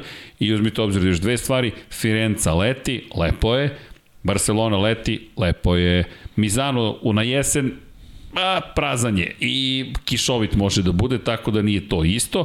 Kada je reč o Herezu, nije Barcelona, da se ne lažemo, dakle nije Barcelona, a s druge strane Valencija i Aragon, Aragon je dosta daleko od nekog većeg grada, u smislu nije ko Barcelona, sednete u vozi 20 km se vozite do staze i Valencija dolazi na kraju sezone kada se već svi opraštaju od godine. Tako da zato su Mugello i Barcelona ti veliki testovi. Eto, to, to ako, ako je neko konkretno baš konkretan odgovor. E, Bane pita, Maverick Vinjale su Hondi, nema šanse Ljudi, to je, to oni neće, neće se baviti time uopšte. Fernandez može da ide u Hondu, Mir može da ide u Hondu, Quartararo može da ide u Hondu, Vinjales, to je već gotovo. To je bukvalno gotovo. E, šta je ovde pitanje, da li mogu da budem gore 2900 mesta? Pa mogu, mogu da budem 3700, nemojte ništa brinite. E, Pelak, da li može da se naruči Dekijeva knjiga van Srbije da nju dobijemo onu nagradicu što sam osvojio? E, može, naravno. Sve isporučujemo svugde u svetu. Bukvalno svugde stiže. Jedino što morate da znate, negde ćemo možda naplatiti carinu, to mi ne znamo i to ne znamo ni od čega zavisi. U većina ljudi nije, koliko ja znam, imala probleme neki s carinom, ali to zavisi od, od koga kako, pa, bukvalno od toga ja mislim ko je na carini u tom trenutku. Ljudski faktor, nazvao bih ga tako. E, E, isto tako što ste rekli za Millera, takođe mišljenje za Lousa, da li je njemu kraj u GP-u? Nije. Sam ima i sponzore kao Britanac. Pa ima, ali mislim da je ovo bolje, bolje priča ovaj, da, da se pojavi u Kawasaki, na primjer u Superbike-u. To bi bilo bolje, jeste. To bi bilo, za njega bi bilo bolje, to, ali sad to je na njemu, Recimo, Kawasaki. eto. na primjer. Pa može i Yamaha. Ima tu stvari. E sad, Boško Desančić, što se ne vede još koji proizvođač guma u Moto Grand Prix, ne samo Michelin da bude ni proizvođač, vrlo jednostavno, to je Komercijalna stvar. Tako je. To je, prodali ste nekome ugovor određeni i, i inače to je priča koja vuče korene još iz 2006. 7. Šta se tada dešavalo? Dešavalo se da je Bridgestone toliko potukao bio Michelin da je Carmelo Espeleta po svaku cenu hteo da se to više ne događa, da ne uđe u situaciju u kojoj pola vozača ne može ni da se takmiče uzbiljnije zato što jedan drugi proizvođač napravio iskorak. Inače, Valentino Rossi je Pri tom podržao... Moto Grand Prix od toga nema koristi. Tako je. I sam, I jedne i druge. Tako je. I onda su rekli ajmo mi na jednu specifikaciju guma. Inače Valentino Rossi je čak podržao. To je bio to je bio razlaz dosta ozbiljan između Bridgestona i i i Rossija. Broč, iako je koristio Bridgestonove gume Rossi, Rossi je bio više za to da se ide na jednog proizvođača i direktor Bridgestona, jedan od glavnih ljudi bio šokiran, rekao je da smatra da je previše e, veza bliska između Carmela Espelete i Valentina Rossija, s obzirom na činjenicu da je hteo da ponizi Michelin, da pokaže koliko su Bridgestonove gume bolje, jer to je za njih bio, to je velika pobeda. Ti odjednom imaš situaciju u kojoj Casey Stoner osvaja titulu na Bridgestonu, Zatim Valentino Rossi sledeće godine kaže ja hoću Bridgestone gume, deli se Yamaha da Lorenzo ima Michelin, Rossi ima Bridgestone, Dani Pedrosa na pola sezone kaže ja više neću Michelin, hoću Bridgestone, Bridgestone trlja, ne trlja ruke, nego slavi na sva moguća zvona da, da je uspeo, Bridgestone koji se pojavio četiri godine ranije u šampionatu sa Ducatijem i odjednom postao proizvođač broj 1. I sad nekomu to oduzme i kaže od 2009 jedan proizvođač dobija sve na tri godine. Bridgestone je pristao da bude u toj celoj priči i promovisao je svoj proizvod i sebe, ali to zadovoljstvo, pobedili smo, Michelin, to je izgubljeno, tako da to, to su neki Pa da, ali generalno, istorije. mislim, sada je tako ulazimo u tu priču, onako kad, kad vratiš neko razmišljanje kroz istoriju, u Bristonu su generalno mnogo bolje razumeli neki, neki koncept trkanja nego u Michelinu. Michelin ide nekako na promociju tih svojih tehnologija, a u Bridgestonu su znali da, da prilagode ovaj, svoje proizvode zahtevima vozača i ekipa. Kako u Formuli 1, tako i Moto Grand Prix. I sad, veliko je pitanje eto, eto to, je, to je stvar koju nem, nema šanse da ćemo ikad saznati, na primjer, prošlogodišnji motocikli ili eto da kažemo prošlogodišnji GP21 kako bi taj motocikl funkcionišao sa nekim Bridgestone, Bridgestone gumama kako, kako bi to tek izdanje moglo da bude Ne znam, to bi bilo spektakularno. ili kako bi zaista. se Bridgestone sa, snašao sa ovim problemima recimo Pa, na, i kako bi na izgledala je Mandalici i tako Yamaha sa Bridgestoneom, pogotovo Rossi, kako bi izgledao? Rossi koji se nikada nije navikao na novi Michelin. Suštinski nikada se nije navikao Pa, na generalno Michelin. vidimo velike probleme kad Michelin donese neki novi pneumatik, kako je, kako je jako teško za sve da se, da se prilagode čitavoj priči. Lepo si rekao, ali Bridgestone je prosto izašao iz cele priče i rekao Pa Bridgestone je ono, njihova marketinška ulaganja su globalno na neku drugu stranu usmerena. Bridgestone je globalni sponsor Međunarodnog olimpijskog komiteta u nekom ciklusu čak i u sledećih 8 godina i 8 godina nazad to su ogromna izdavanja. Oni žele da se na taj način ovaj, prikažu u tom svetu i jednostavno potisnuti su iz, iz eh, tog vrhunskog automotosporta između ostalog što verovatno ne mogu da pariraju ciframa koje, koje mogu, da. mogu da pruže Pirelli ili, ili Michele. I način na koji svoju robnu marku pozicioniraju nije samo kroz automotosport, već To je isti način kako i Goodyear izašao iz Formula 1 i tako dalje, i tako dalje. Jednostavno nisu zainteresovani na taj način, imaju ogromna ulaganja u smislu da, da, da, da njihov marketing bude tako kumulativan samo u, u jednom u jednom šampionatu, nego žele generalno da budu rasprostranjeni, što sa nekim modernim konceptima Formula 1 i Moto Grand Prix nije moguće. Na inače, evo pitanje je Pelak na koje sve utrke idete ove godine MotoGP, da li planete utrku Formula 1? Pa planiramo, ali da, ne znam kako ćemo to da izvedemo. Inače, što se tiče vlogova, uglavnom idemo, uglavnom puštamo stvari na Instagramu, kroz Instagram stories, Tako da, to nam je najbrže da snimamo, iskreno, zato što smo stalno u pokretu da telefon ja uzmem u ruke i story i white listovan sam, pa mogu to da stavljam.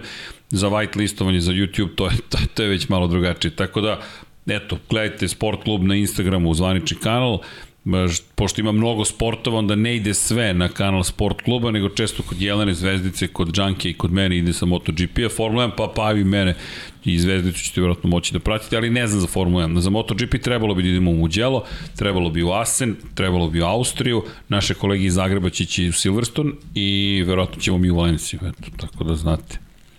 Tako da, eto, tako smo se nekako podelili. A može li koji Amerikanac u MotoGP ubrzo ja ne vidim baš ubrzo da će se pojaviti. Joe Roberts je trebalo da bude taj, podbacio je, Cameron Bobije mm, nije još ni došao na taj nivo da pričamo o njemu u Moto Grand Prix-u, a da skoči poput Nikija Haydena iz, svetskog, iz američkog Superbike šampionata, to se više ne dešava. Petostruki šampion Superbajka u Americi je Cameron Bobije, pa mu niko nije otvorio vrata MotoGP-a. Vidjet ćemo MotoGP Unlimited da li će pomoći bojim se da je MotoGP Unlimited više posvećen onima koji već gledaju Moto Grand Prix. Kada kažem bojim se, za nas je to super, zadovoljstvo je, ali šta je cilj MotoGP Unlimited? Drive to Survive ima jednostavan cilj, da otvori tržište Amerike i u tome je uspeo. I mnogo više ljudi iz Amerike sada prati Formula 1 i dobili su više nego što im je Drive to Survive doneo, jer je zabava prošle godine bila još veća nego na Netflixu, ali Drive to Survive ima za cilj da napravi senzacionalistički jedan pristup sportu, da ljude privuče i da počnu da gledaju. E sad, MotoGP nije otišao na tu stranu Unlimited, nego otišao više ka dokumentarcu, što nama prija, ali isto tako teško će otvoriti američko tržište. Ako ga ne otvori, ne vidim Amerikana da će dobiti tu vrstu podrške. Ja makar to neki stvarno ne vidim.